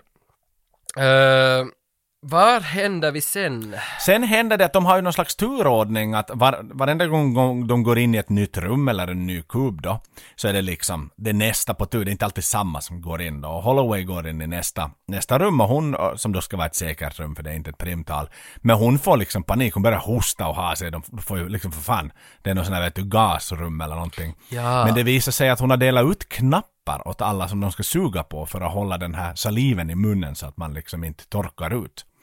Så alla Ja. går liksom typ på en pastill och suger på en knapp. Och den där knappen så sväljer hon då i panik. och då blir det ju stor panik där naturligtvis också. Så det visar sig att det ändå det, det, att det faktiskt inte var en, var en, eh, det var kort och gott inte, det, det var ett sch- schysst rum. Ja, ja, ja. Och knappen hade ju alla plockat loss från sin fängelsedräkt. För ingen hade ju med några grejer. Men det lilla som är, som vi märker då, alla tänker hur, hur djupt andetag, ja men då funkar det här med primtal och icke primtal. För då går ju Quentin in i samma rum och då visar det sig att det är en sån här stryptrådsfälla också där. Som liksom, och han hinner just och just kasta sig ur den liksom, st- står han på en, på en någon viktpunkt i mitten av rummet, så dras det in liksom en massa trådar som skulle liksom skära Ja. honom i slicer. Men han hoppar just ut, Quentin, ur den, så han lyckas liksom ta sig ut ur situationen på det sättet. Och då blir det ju lite så här att Leven börjar fundera att, "Nå, men okej, väntas nu. Eh, är den lite mera komplex än enbart primtal så hon börjar liksom lite fundera över det där då. Så då blir det lite stopp på patrullen. De har liksom traskat i tio timmar vidare nu och haft, haft ganska bra flow. Att, att byta kub till kub till kub till kub. Men nu, nu stannar de upp lite och funderar att motivationen börjar tryta lite. Ja, och Quentin vill ju förstås skylla på någon eftersom nu, han säger ju att det här är ditt fel Leven, för det var du som sa att det är primtal. Så han Mm. börjar ju med att skylla på henne. Sen går han och skyller på den där Worth, för att Worth-killen är ju en, vad kallar de honom, en nihilist som bara, han säger att allting är bara skit, ingenting är värt någonting, det är ingen idé med någonting på jordlivet. Och, och så blir han jättearg på honom och sen liksom alla börjar ju bara strida med varandra för att nu fan, och det gör de väl av ren osäkerhet då eftersom ingen här i gruppen nu har en jävla aning vart de kan gå nu då primtalsgrejen inte fungerar. Men då i det där grälet som eskalerar och eskalerar så ropar den här Worth, han som i början låg med en skada i huvudet, så ropar han jättehårt liksom “No one is getting out of here!” och han ropade med sån bestämdhet så att folk märker att “You know something sir!” Och det är klart, han vet någonting och här kommer väl filmens första liksom vändpunkt. Den här killen, Worth, så han har tydligen varit anlitad av något företag att rita ett stort skal, designa ett skal för en jättekub. Så den här killen vet någonting. Och, och, och då börjar hela utfrågningen av honom att hur fan, vad vet du om det här? Vad vet du om storebror och Big Brother och grejer? Att, eh, att eh, samhälle, vem, är det, vem har du gjort det för? Men han, det visar sig att han har bara gjort ett, ett jobb. Han vet ju ingenting. Han Mm. vet ingenting. Han, han, han bara tror att allting är pointless. Och varför, varför han- har bara gjort ett, ett, fått pengar för att rita, designa en kub, så han kan göra stora konstruktioner. Och där, där är vi nu. Att, men det var vi väl, han kan ju ändå lite om det där skalet. Han säger ju att, att det är 132 meter brett det här skalet, det är det han vet. Och då kan ju mattemänniskan räkna ut att hej, den här kuben som vi är i nu, så är exakt 16 meter betyder att det finns 14 rum uppåt, 14 rum åt sidan och det betyder att det finns 17 266 kuber i det här jävla rummet. Så då vet Mm. vi direkt att så här många kuber finns det. Till och med 26 både på höjden och på, på bredden. Aj, var det så ja? Ja, 26 och 26. Så är det. Och, och bara lite tillbaks där till Words liksom ambivalens som man ändå kan kalla det. För att då en massa olika människor har bidragit. Det är som en massa underentreprenörer som har fått en liten, liten del av jobbet. Eh, Och lite sådär, ja men vet alla vill ha lön men ingen vill ta ansvar. So It's just a fucking job. Liksom. Och, Mm. och Quentin blir ju jättearg. Han, han ska ju ge Worth en riktig omgång. Han ska nita till honom riktigt duktigt där. Och det är då Mm. liksom, som, som du var inne på, som man får reda på på, på det här. Och, och vad lär vi oss då? Och då har vår kära matematikervän Leven lite börjat fundera och, och konstatera tillsammans med, med Worth då att, att de är markörer de här siffrorna som visar var i själva huvudkuben man är koordinerad just där och just då. Och, och, och just nu konstaterar de då i den, den här kuben som de är inne i så är de liksom sju rum från kubens utsida. Men, men det visar sig då ändå sen inte stämma för att då borde ju ett av de här rummen vara vid kubens utkant, men det är det inte.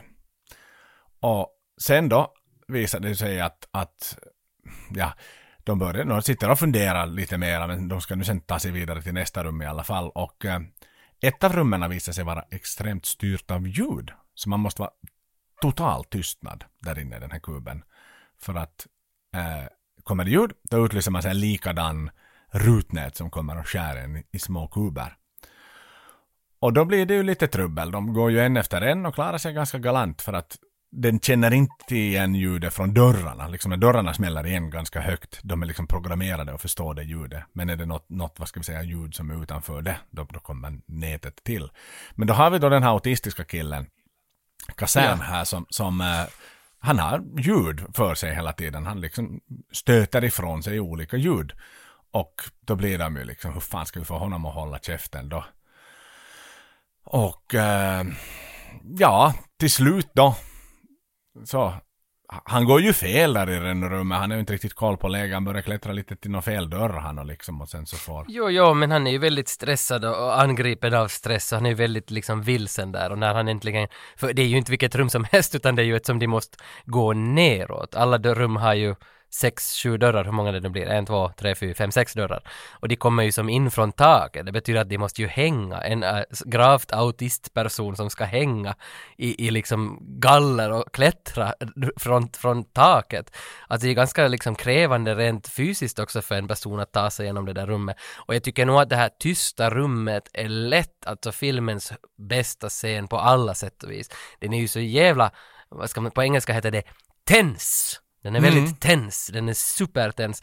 Och sen den där mm, autisten så fastnar ju i en av de här rotations... Vad heter det nu då? Alltså den här spaken som man snurrar på en dörr Ja. på golvet. Han fastnar med liksom med sitt eh, linne från byxorna i den och börjar gå runt och då är de rädda att den här dörren ska liksom öppnas så han ska ramla ner till nästa rum. Och det är Mm. så jävla, alltså det är så jävla delikat utfört. Och, och, och jag funderat, varför är den här scenen bäst? Nå, det måste vara för att här har ju, här finns ingen dialog. Nej, Och det är dia- tänkte just det.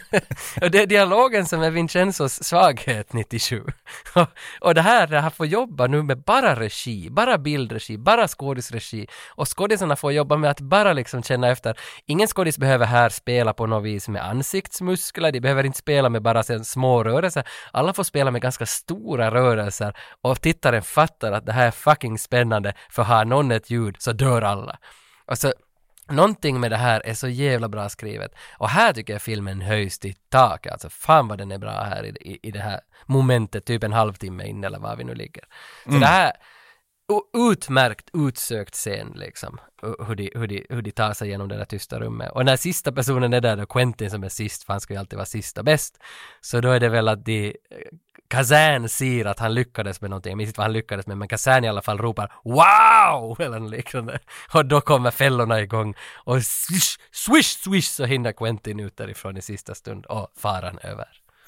Och då blir det väldigt spänt mellan Quentin och, och, och Dr. Holloway då, för hon tar ju hon tar ju Kazan i försvar och han nu säger men fan släng in honom i det där jävla rummet och så ropar ni någonting så blir vi av med honom liksom. Att han är ju bara en, bara en börda och bara en belastning han liksom. Vi kan inte släppa med oss den här den här filuren med oss överhuvudtaget då. Men nu kom de då in i det här rummet då, som tur var, och, och då visade det sig att nu ska det här vara då det sista rummet där kubben tar slut.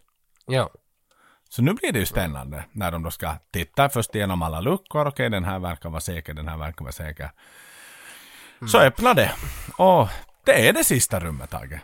Ja, de öppnar, det kommer ut en liksom en avgrundsvägg. På andra sidan, de öppnar dörren, de tittar ut och där är som en betongvägg på andra sidan. Men, men det är ändå 10 meter till den betongväggen och de tittar ner och de ser att det är ett fall på flera hundra meter ungefär. Att den här kuben är ju Ja, enorm. det är bara kolsvart, det är bara ett avdjup. där Ja. Och inte vet jag heller vad man skulle göra i en sån där situation, men de väljer ju att alla klär av sig knyter ihop kläderna, gör ett klädsträck som man gjorde på eh, vad heter det, Gulisintagningen. Ja.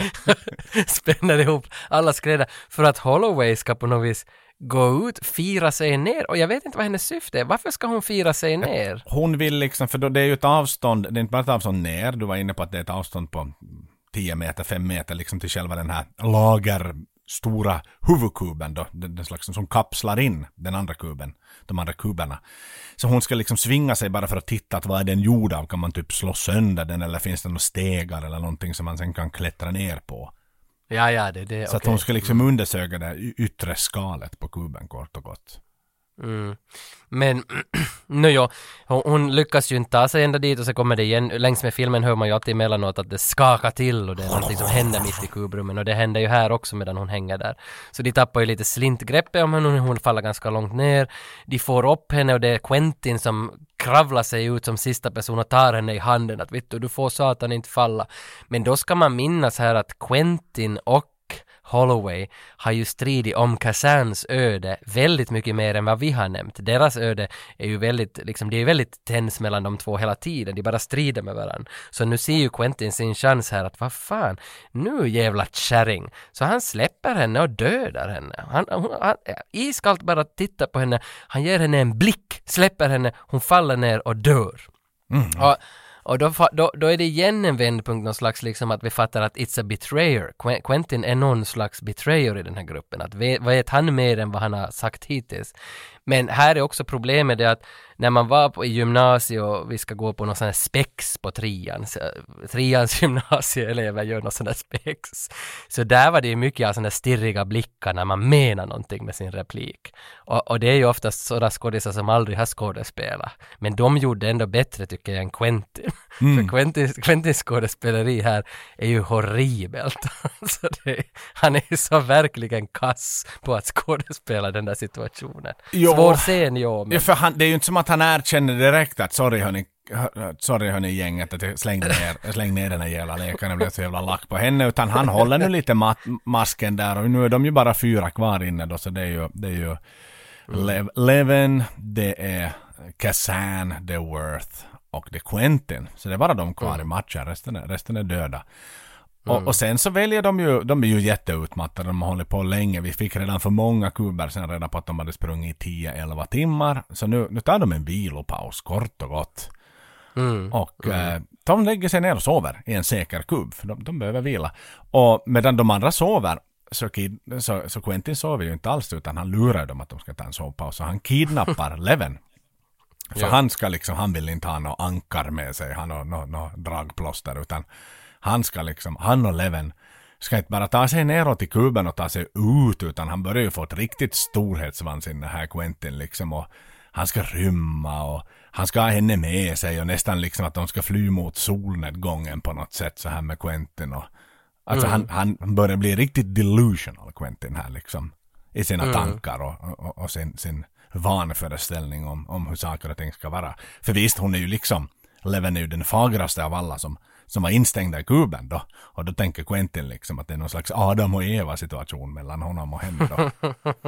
Ja, och så han hade ju blivit anklagad tidigare, man får ju veta tidigare att Quentin har skilt sig från sin fru och han har tre barn.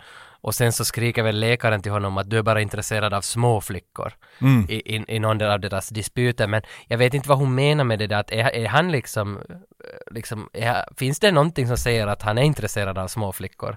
Annat än att hon, det gör ju inte utan Nej, bara det var väl någon, för hon anklagade honom för det och då var det liksom, tyckte han att nu har du nog gått för långt här liksom, vad fan vet du om min, min familjesituation, att om jag skilde Ja. med min fru, för de hade två väldigt små barn som typ var liksom med ett eller två års mellanrum födda, så att vilket kan, kan ta knäcken, det kan vi, kan vi alla småbarnsföräldrar skriva Mm. under på att kan ta knäcken på vilket förhållande som helst då.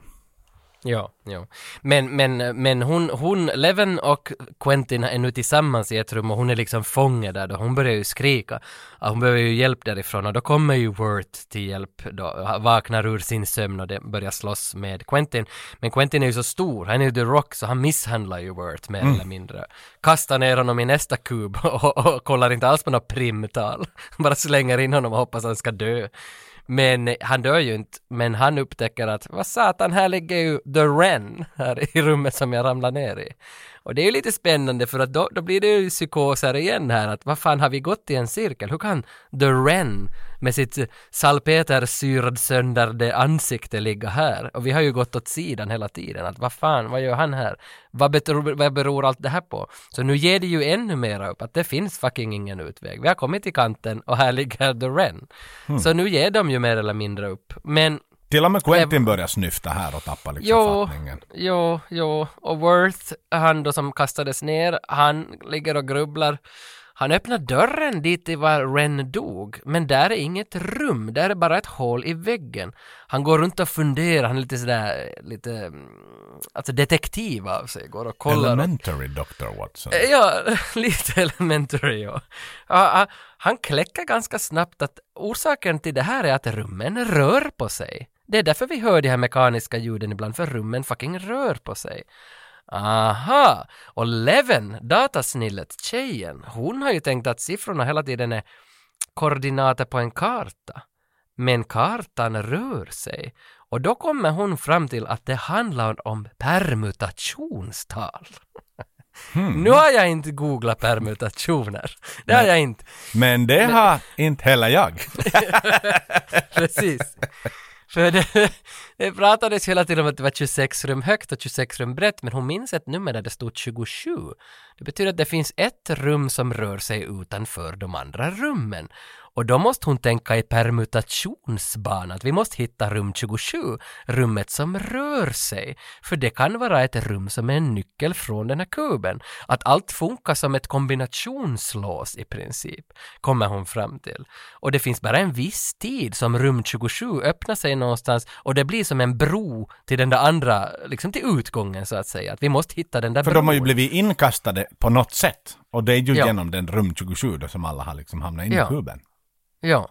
Och, och, och, och, och, och, och, och se- alltså, jag gillar äh, Matt mattegrejen med den här filmen, hela den här mattesnille-saken, så är ganska nice för att den verkar legit. Alltså den, det är inte, den är inte på, alltså den är riktig, känns det som. Åtminstone för mig, jag är nog en mattesnille. Jag kan lösa en Rubiks kub på 2,30, men jag är inget mattesnille. Men jag gillar permutationer, och jag gillar primtal, fast jag inte vet vad det betyder. Men, men så ja, så det, det, det lär vi oss. Nu vet vi att kuben rör på sig. Och sen, Kazan My Man-scenen. Äntligen kommer den. För det de ju ko- konstaterar är ju att, att rummet de då sitter i just här och nu, det är två rum ifrån att komma till bron. Problematiken är att det finns sex dörrar och siffrorna är astronomiskt stora för att lösa utan dator. Så inte ens vår kära Leven kan liksom räkna ut vilken av dörrarna de de facto ska gå in i för att komma ut till den här så kallade bron. Men, Nej. precis som du säger, Kazan My Man, vår, vår kära autistiska vän, han är Rain Man, Nej, och han är deras dator. De testar lite Ja. på honom och, och liksom han, han löser varenda problem. Hon kastar lite test uh, och sen säger han bara en siffra, sen han bara en siffra och det funkar, det funkar, det funkar. Jo, jo, men för, för orsaken är ju det att hon har trott att det är primtal och sen märker hon det att det är inte primtal och då ropar hon det där Descartes och Descartes är väl en matematikfilosof, tror jag, från grekiska tiden och Descartes sysslar ju med, vad heter det, geometriska tal och geometriska kartor och så märkte de sen att det är fucking inte det heller och nu konstaterar hon det är inte primtal, det är inte geometriska kartor utan det här power primes som hon kallar det. Och en power prime så behöver du, det, som hon säger själv, astronomiska siffror, att du kan inte ens räkna ut det. Och när hon börjar ropa ut det, siffrorna så avbryts ju hela det här gnället av en liten röst från Kazan som säger tu, tu. Han säger bara "Nej, nummer två. Att tydligen kan han räkna power primes. Och sen börjar du, det som du ser att hon kastar siffror åt honom. Och så märker de att it's fucking power primes. Men nu behövs ju Kazan mer än någonsin. Och det, fun- det funkar ju. De kastar ju in en sko i ett rum som han märker att det är power prime. Och då säger ju Quentin till honom Kazan! My man! Och där, där, där är den schyssta scenen. Filmens bästa kommentar. ja, ja. Och då lär vi oss att Kazan behövs då, nu behövs fucking allihopa här nu. För att Word har ju byggt det här skalet, Kazan kan räkna, Prim-tjejen, alltså Leven, hon behövs ju ännu för att, nåja hon är ju supermatematiker. Hon behöver ju mata siffrorna till Kazan. Ja, och Quentin behövs för att leda gänget och slå dem. Ja, exakt, han har en väldigt nyttosam funktion där. Och, men, men, och det har ju både Worth och, och Leven och inte kanske Kazan räknat ut att Quentin, nu är Quentin ett ankar här hux flux, nu är det bara han som håller dem nere.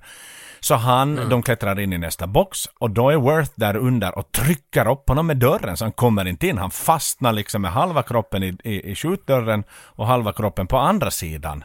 Och han får in honom på andra sidan av dörren då.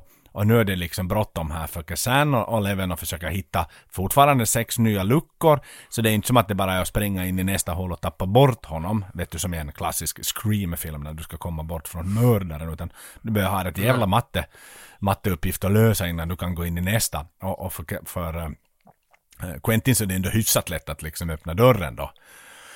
Ja. Och eh, då lurar de honom än en gång för han kommer in i salen med dem, eller i salen i, i samma kub som dem. Men de öppnar dem, då har han gömt sig i, i den där nedersta luckan.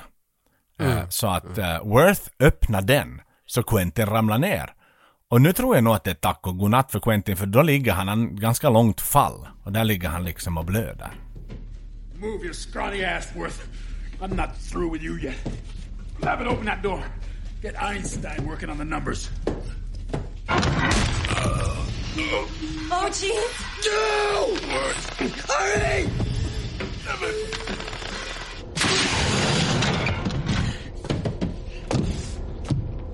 Where is he? Come here. I said come here right now! Så det, det slipper de honom för att de hatar ju honom allihop eftersom han har ju nu hackat allihop. Han har, velat, han har ju velat våldta Leven i princip och han har liksom dödat folk och nu, nu vet ju säkert det att det var han som kastade ut läkaren också att inte, inte, inte föll hon inte utan de, de Nej, det kom fram till honom. Det kom fram där vid ett svagt ögonblick liksom att you threw her Ja, out. så? Och så. Ja, okej, var det till och med så. Så att han är ju, han är ju verkligen liksom the bad guy här. Mhm. Och, och, och nu när då Levin, Kazan och Wirt är bara tre kvar så kommer den där jävla hissen, rum 27.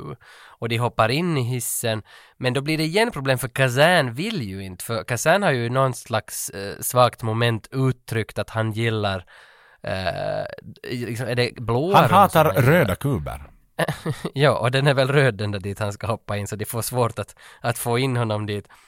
Och de hoppar alla in dit, dörren far, men Kazan lämnar kvar, men han bara skriker där. Nu är de här andra två i hissen, nu kommer de här att komma ut, men Kazan är kvar och skriker. Och det är ju Kazan de behöver för att försäkra sig om att de kommer att komma bort från hissen också.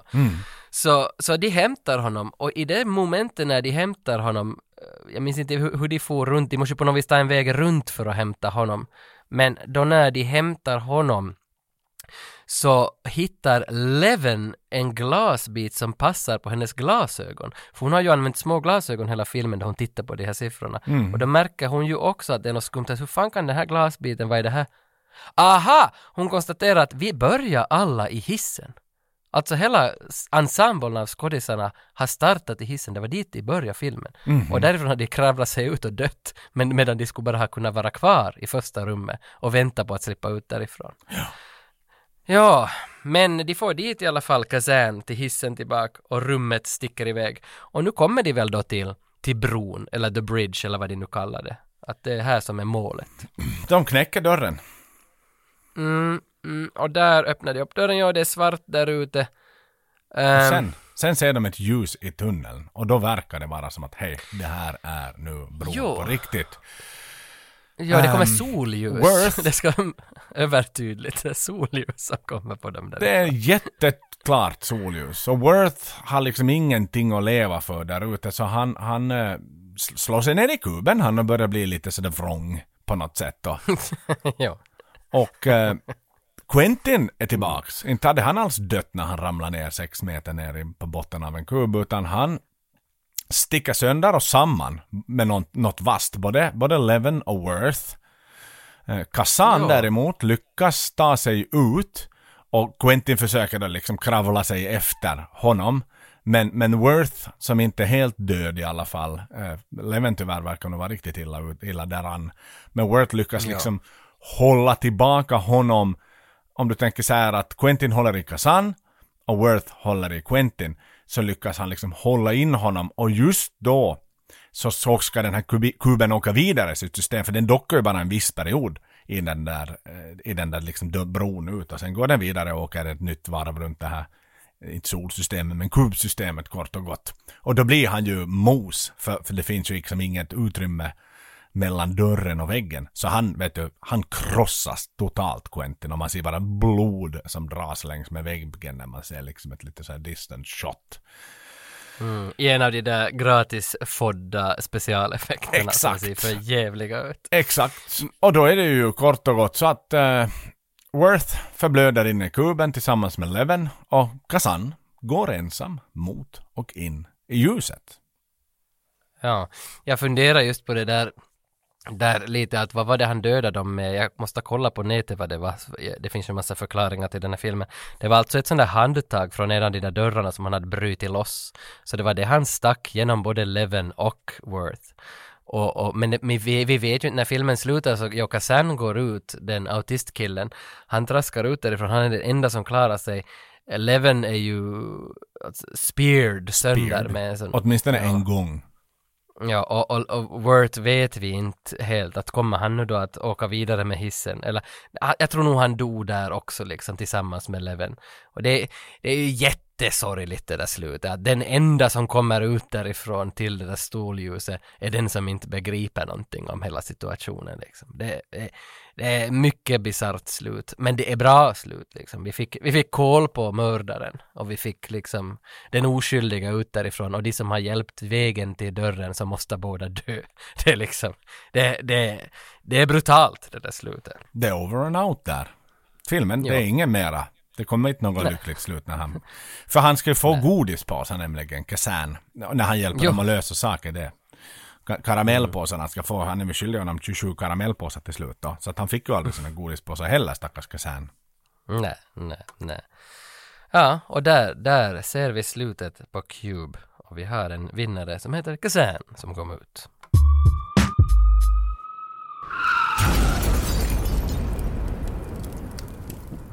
Nåja, äh, ska vi försöka summera den här berättelsen? Det har vi, det ska vi ju för fan göra och jag tänker så här, jag... Får jag slå två kuber på smällen? Ja, ska du göra två kuber på smällen? Ja, är det möjligt det? Merga två Rubiks kuber. Det kan du göra. Så jag har nämligen en skurkdossiär och my two pennies worth av slutsats.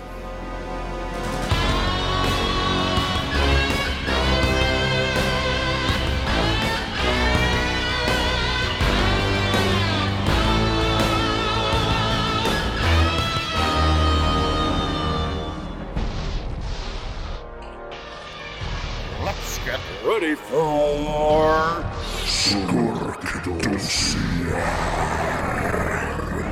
Goddamn right. Okej, okay. men uh, Jag bankar ihop dem. Jag känner att det blir lite matematiskt intressantare att ha ett primtal liksom. Det Ja. går att delas på två skurkdossiären idag. Ja men var det så att primtal ska delas med sig själv eller på två? Ja, men, Med sig själv. men det går att dela med skurkdossiären och på två, det vill Ah, säga slutsatsen av two pennies. Och det är därför det är two pennies och inte one penny. Precis. Håll i hatten Tage. Mm. Dagens skurkdossiär borde egentligen vara ganska tunn eftersom de som byggde kuben egentligen ska vara de sanna skurkarna i filmen. Däremot resonerar jag som så här. Enligt Worth, han som alltså designade skalet på själva storkuben, så har den varit i drift i ett antal månader. Vilket får mig att anta att denna uppsättning kubresenärer inte är de första som varit inne i kuben. Min tanke är alltså att samtliga resenärer är, det, är där av en anledning och att detta är ett experiment för att se hur psyket, samarbetsvilja och kommunikation fungerar under press. Worth är i själva verket en diplomat som vill alla väl. Leven är smart och kan matematik. Hon är en resurs för denna rebus. Kazan är en autist och besitter en gåva att räkna ut tal som ingen annan kan. Holloway är läkare och kan på så sätt hjälpa till. Även utbrytarkungen Ren är där av en självskriven anledning. Den enda som egentligen inte har ett syfte i kuben är Quentin. Quentin är detta sällskaps skurk, av rang. Han ingjuter en känsla av auktoritet och ledarskap eftersom han är polis i grunden och ger också de övriga resenärerna en falsk förhoppning. Vad gör vi om vi är osäkra och behöver hjälp? Ja, vi ringer polisen såklart. Detta betyder alltså att Quentins syfte i kuben, enligt de som satt honom, satt sällskapet i kuben, från första början är att skapa oordning, skräck och terror bland de andra resenärerna. En ytterligare dimension av stress för att se om de kan hantera sin uppgift, som är att ta sig ur kuben under extrem press såklart. Quentin är självisk, han är hård, han är brutal och fascistoid i sitt sätt att vara. Och för att ta sig ut så måste man besegra både honom och matematiken och logiken bakom kuben. Draken, den har alltså två huvuden. Mitt tips till nästa sällskap av resenärer i kuben är kort och gott Ta reda på vem det ruttna äpplet är och eliminera den personen. Ta sedan reda på varandras förmågor och kvaliteter och lös matematikuppgiften. Okej, så summering och skurkdossiär är samma. Men, men... Det är ett nytt år, Tage. Det var mitt nyårslöfte den här gången. Ja, ja. Det kommer inte alltid bara liksom, vara så. Nej, jag funderar bara på den där liksom då du, då du säger att man ska ta reda på vem som är det ruttna äpplet i sällskapet. Är inte det som de lite också försöker göra hela filmen? Det är det där knepiga att veta. För att de tror ju att det är Worth som har designat skala i något skede. Sen ändrar de till att det är Quentin. In, no, det är ju bara de två som de hela tiden velar mellan. Inte det är någon annan som de misstänker som skurk. Kazan kan det ju vara. Han är ju, med han inte pratar så kanske spelar han en roll. Är han anställd här? Han är ju anklagad Mm. vid något skede. Om inte bara av Quentin då. Nu det är Quentin ju för att han inte kan hålla sin käft. Men med det sagt, alltså det är ju inte som att Quentin har tilldelats en roll innan han blev ditsatt. Utan jag tror att de plockar ett team då. Som jag just var inne på. Alla har sitt syfte förutom Quentin i det här fallet. Nästa gång kan det vara en brandman, det kan vara någon jävla kontorsarbetare eller en vägarbetare eller vad fan som helst. Som råkar vara den här som, men vänta nu, vad bidrar du med? Mm, mm, mm. Ja, det är, ja, det är en, det är en, en, en För de är en nog bra- utvalda. Det är inte slumpmässigt valda personer som har kastats in i kuben. Jag tror att de är utvalda för att klara, för att klara sig ut. Ja, ja, ja, alltså det är ju lite sådär klassisk, vad heter det, Battle Royale. Mm. Eller vad heter den där filmen som är riktigt som första, alltså Flugornas herre. Ja, ja, Lord of the Flies, exakt. Ja, det är väl en sån här Eh, aktig grej liksom att man försöker, och sen Hunger Games och sådär att man ska samarbeta. För sen, alltså det, det är ju klassiska recept på något vis, men, men det, jag tycker, jag tycker om det här. Jag gillar ju Cube. Jättemycket. Jag tycker det funkar jättebra. Det är synd bara att det är så skitskrivet. Att det är jättemycket sån gräsliga scener med dålig dialog och sådär. Men, men idén kvarstår alltid. Det funkar jättebra hela tiden. Och sen ångrar man lite efteråt att jag tittar på den där Cube 2 och Cube 3. Men det här är alltså 2005 som jag har suttit här. Det är jättelänge sedan. Jag minns bara att de bara de var kassa liksom. Då, då handlade det också om andra sidan. Vem det är som sitter på andra sidan och övervakar. Jag vet inte, för jag har inte sett. Det är därför jag grundar min... Men du kanske vet mer än jag gör. Ja men det är sån där vetskap som någon manusförfattare har skrivit som inte man borde ha fått liksom. För att Men det, om, det är om, om vi nu eliminerar din kunskap från tvåan och trean och du sätter dig i den analys om Kazan, när han är inne, inne i det vita, hade haft förmågan att börja fundera och dra slutsatser göra någon slags utredning i sitt huvud. Hur hade du då resonerat kring du får inte med jag vet att det är jättesvårt för dig för du, du har liksom läst resten av boken, jag har bara läst ett kapitel och ska skapa en slutsats baserat på det. Nej men alltså du, du menar att hur ska jag resonera när jag kommer ut därifrån? Va- va- ja va- att är de utvalda eller är det bara random persons som hamnar dit? När det är i allra högsta grad utvalda personer. Det är det definitivt. Och det är någon som spelar ett spel med dem. Precis som de själv liksom säger i filmen att det är någonting som är på gång här. För de har ju en scen någonstans vid 20-25 minuter in i filmen där de diskuterar filosofin om vad som betyder att vara pointless och vad som är po- eh, it's with a point. Liksom det där att why put people here? That's exactly my point, but it's pointless. That's exactly my point. Alltså de har ju en sån här lång utredning om vad, vad, vad poäng betyder. Och jag kan inte helt återge den där scenen, men den är ganska bra skriven. Det är ganska bra liksom, det finns den där filosofin att varför, varför, varför sätter vi människor, vi sätter människor hit egentligen bara för att hålla igång ett system som någon har liksom lösryckt byggt ihop och så har det blivit för stor grej att han är insyltad i hundra företag och alla bygger för det och alla måste få betalt. Mm. Och för att få betalt så måste vi liksom hålla igång kuben. Men det är klart, det finns ju en huvudbeställare. Det finns en huvudbeställare och det kommer ju aldrig fram. Jag, minns, jag tror inte att det kommer fram i tvåan och trean. Men, men, men, jag, jag tycker att det funkar jättebra i den här indie-versionen liksom. Men jag tycker inte sen något mer riktigt om tvåan och trean för man fick veta lite för mycket. Och samtidigt den där tvåan, alltså där var det ju någon sån där kuber, det, eh, alltså det var ju, i tvåan är det ju en kub som bara funkar i teorin om jag minns rätt.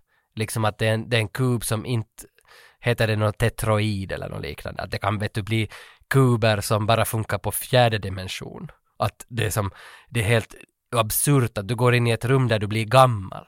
Alltså det, det är sådana jotton i det där två. Alltså det far som helt överstyr. Interstellar. Ja, och sen när de går in i ett rum så träffar de sig själv. Det var någon, det var någon person som finns fyra gånger i tvåan tror jag. I olika som dödar sig själv. rum. Ja, yes, att det är liksom, hej det här är ju vi för tio minuter sedan. Ah. Vet du, att det blir som, det far helt åt skog. Eller, det far ju åt ett rätt håll på så vis för att man är lite överraskad att fan, hur kan det vara så här? Men man får veta för mycket om den där, vad heter det, i, i rollspelsspråk heter det väl the lore. Att man får veta för mycket om hela världen kring varför kuberna finns. Och det skulle man inte vilja veta. Hade, hade man riktigt velat fucka upp det här så då hade man ju ännu haft en scen, kort scen till med, med Kazan när han då kommer i ljuset och sen så märker han att den storkuben är bara ytterligare en kub i ett ännu större system. Så att säga att det liksom är, du vet att han är, han är i din Rubiks kub så har de bara nu varit inne i en av kuberna som har en färg. Men det finns en massa Är det, kvar. inte, är det inte så som Men in Black 1 slutar? Att, att, att man, man ser liksom att det är någon alien som håller hela Vintergatan i handen och så kniper Det han kan igen nog vara, men lite såhär maze within a maze på något sätt. Ja, ja, ja, ja.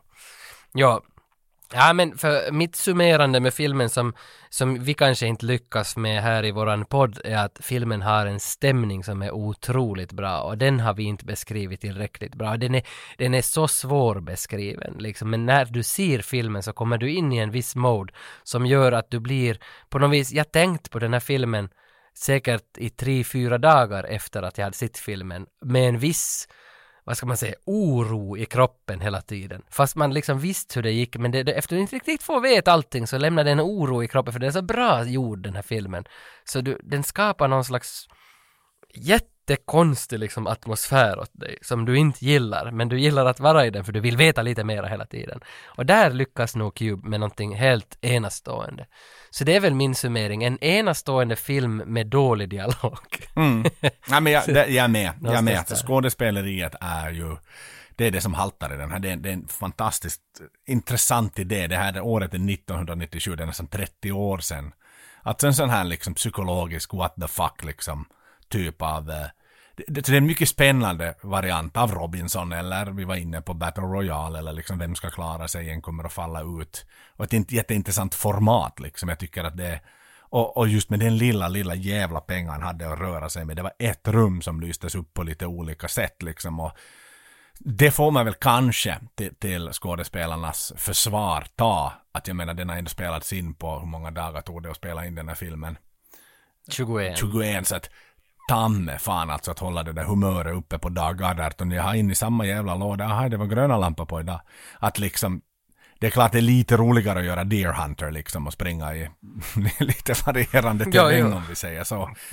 Eh, Så att, Ja, för de, de, jag läste de där skådisarna sa nog själva också att, att var 21 dagar med filmteamet in i en sån där kub, att det var helt, man blev som lite som in i en psykos Jo, jo. själv. Nej men alla dagar i veckan då att Tom Hanks fick ha det lite bättre där på sin ö liksom. Jo, jo, hade jo, kunnat jo, jo. klättra lite i palmerna och ta ett dopp Jo, jo, emellanåt. Liksom. Och, sen, och sen, alltså det som man måste älska Vincenzo Natali för att han är nog en kompetent regissör, det märker man ju direkt liksom, att han har ju också i varje kubrum vi ser i filmen så har han bytt uh, kameralinser och arbetat med olika aspekter på bildens, liksom, vad ska man säga, alltså millimeterbredd eller vad man ska säga, att vissa har lite vidare linser, vissa har lite tajtare linser, att du skapar liksom klaustrofobi med olika linslängder, focale lengths så att säga. Och, och alltså de här idéerna och den kreativitet den mannen har jobbat med för att hålla att vi tror att det är en stor kub men i, i själva verket är de i ett garage. Så den är helt insane bra. Att det här är jag läste att den är filmad 80-talet. handheld hela filmen också. Det är den väl också, ja. Och det är liksom, för på 80-talet kändes det som att då kunde man vara kreativ. Alltså, om man tittar på Predator 1, alltså fy fan vilka kreativa lösningar på precis fucking allting. Helvete vilken film. Och så ser du på den här tio år senare, det är som att gå tillbaka till 80-talet med att lösa saker kreativt. Det, Men det är typ- för sen typ- direkt inte... Mm. Inte för att nu liksom lyfta upp oss på en pedestal. Tage och Joel när vi gjorde filmer för länge sedan. Men jag menar vi hade inga pengar alls. Vi hade veckopengen i budget liksom. Och det skulle då också räcka till tobak och, och, och lite öl. men, men, och bensin till bilen. Men liksom. Det, det är klart att så, och, och som han själv sa i en intervju som jag kollade på, på med honom att att jag, han tror att filmen blev bättre för att de hade en så begränsad budget. De blev tvungna att tänka mer kreativt. De hade inte liksom obegränsat med stålar. Och bara, de fick fan, okej okay, nu har vi ett sånt här dilemma idag, dag 14. Vi skulle jättegärna vilja att det skulle se ut så här. Mm, kan vi lösa det på något jäkla sätt? Jag kan tänka mig till och med skådisarna som ändå säkert var ett ganska tight team. För jag menar, du har Alderson som är med i första scenen, dör direkt. Du har då Ren som dör efter en liten stund. Han var inte med på alla inspelningsdagar. Det var Quentin, det var Kazan som skrev filmer sen för säkert kanske hade påbörjat någon slags skrivbordslådemanus för Dennis Rodman och Worth Eleven och Holloway. Jag tror att han kanske till och med inkluderar dem lite. Att har ni något förslag hörni, hur vi skulle kunna göra vi lyser upp den här grön och så gör vi det där vi skulle egentligen vilja, i manuset står det att det ska komma ut några knivar men vi har nu inte det den här gången. Att hur ska det vara? Mm. Ja, men jag kan svälja ja. en knapp. Ah, fan vad bra. Då får vi lite spänning i den här lådan också. Men ser du, det där är ganska mycket filmskola. Han skrev ju den under filmskolan och för att de första filmerna man fick göra i filmskola så var ju i princip med digitalt sådär att filma vad ni vill, gör vad ni kan, det här visar nu vad ni kan. Och allas filmer blev skit för att det är för, för mycket liksom som man kan göra. Och sen andra filmer man skulle göra så hej, här har ni 16 mm film men ni har bara 7 minuter, ni hinner med så och så mycket. Nu ska ni laga en kortfilm med 7 minuter film. Och då satt ju folk i flera veckor och planerade ut varenda bild och inte börja springa runt och spraya med en PD 150 liksom. Utan nu har du 16 millis kameran och nu måste du vara försiktig och dessutom kan det skita sig i framkallningen. Så du ska vara jävligt försiktig vilka bilder du tar. Och, och det här känns som en sån här filmskolefilm på det sättet att de har inga pengar, de har bara begränsningar. Det är allt vad de har och nu ska de skapa någonting. Och sen råkar de laga någonting jävligt häftigt, för jag kollar vad har kommit ut från Canadi Canadian Film Committee, eller vad hade den där satans skolan nu hette. Och där fanns liksom en lista på 30-40 filmer som har kommit från den där skolan, men det är bara Cube i princip som är stor och känd efteråt. Så det är ju många, många, många försök, folk som gör, som vill komma fram och göra häftiga filmer, men hemskt få som klarar av det. Utan det måste, det, det är fucking, allt ligger i den där jävla idén att den ska vara enkel, simpel och att den dumma dumma tittaren ska förstå den. Och plus att du sen ska vara kreativ när du lagar det så att nördarna gillar den och sen hitta den ut till en bred publik och då gillar den breda publiken. Så, och, och jag kan, det, jag, jag, mm, jag, kan ändå tycka att den castingen där, just för att ta fasta på det där, att du har då Leven, hon ska tilltala matematiknördarna för den kanske nästan säljs in som någon typ av ekvationsfilm. Liksom, du, du ska vara lite, ja men du ska intresseras av den här om du läser långmatte på gymnasiet. Och sen har du då Quentins roll som ju är lite macho och brulle liksom liksom och till och med lite likeable i början innan han då blir ett svin och sen Worth som, som någonstans bara passiv och liksom skiter i allt och alla. Att jag kan den så här kompositionen av, av skådespelarna eh, och rollerna de då skulle besitta och besätta är, är, är väldigt väl komponerad. Sen utförandet, i, om de också är filmskolestudenter egentligen, skådespelarstudenter kanske, inte kan uttrycka sig precis så som det stod i manuset. Men det är ju en budgetfråga, igen tillbaks till det, att man bara hade en begränsad peng. Du kunde plocka in A-list-eliten och flyga in dem från, från Hollywood liksom. Nej, no, och dessutom han sa ju regissören själv också att största räkningarna på den här filmen när vi gjorde den så var tjänster som vi köpte. Nu framkom det inte vilka tjänster, men det är ju vet du säkert alltså ett slöjdföretag som byggde panelerna till den där kuben som de måste betala 11 000 åt. Alltså det kan ju vara vilka sorts tjänster som helst, logistik, vad som helst. Mat? Att dit, mat förstås på 21 dagar sådär. För det teamet var ju ändå, stod det någonstans att de var väl en 15-20 pers utanför kuben också liksom som det är ju jättemycket löner som ska betalas och sådär. Så dit det är nog satan att lyfta på hatten vittu för hur satans bra film man kan skapa med sådär lite pengar. Också Blair Witch Project liksom, mm. ett annat exempel på där de lyckas skapa någonting unikt för en liten peng. Så att uh, man kanske borde ge... För att inte glömma Frankenström. Ja, Frankenström av Vasabolaget som hette så mycket som, vad fan hette de då? Boogie Fiction hette deras nästa film. Det var Frankenström Boogie Fiction. Men jag minns inte vad företaget hette. Det var en logo på någon som sprang genom skogen och så stod den där logon där. Nej fan, för jag har Frankenström och Boogie Fiction, jag tror jag har båda på DVD. Och, det här, och där var ju Kai Hahto var ju med i någon av de där filmerna, alltså trummisen i Nightwish. det, det är ett fint bolag, men fan jag minns inte vad de heter. eh, han hade någonting, den här Rotten Sound-sångaren hade någonting med det att göra, tror jag också. Äh, men det hör inte hit. Men i alla fall, de var jävligt kreativa också med sina små filmer för små pengar och lyckades få ut dem. För att Det var Markus. Staffs film och sen är det, ah, sen, sen är det Kaitsos bror Akihahto som har skrivit den. Just det, ja, ja. så det, det är Markus Staff det heter då. ett fantastiskt, eh, Och enda, enda filmer. reviewen på den på IMDB så står det “Forget about Kaurismäki and other boring movies”. Exakt. Nej, men de lyckades med någonting. De gjorde kreativa. De inspirerade ju oss att göra våra Bad Eggs. Films. Bad Eggs Films, ja, så var det. Ja.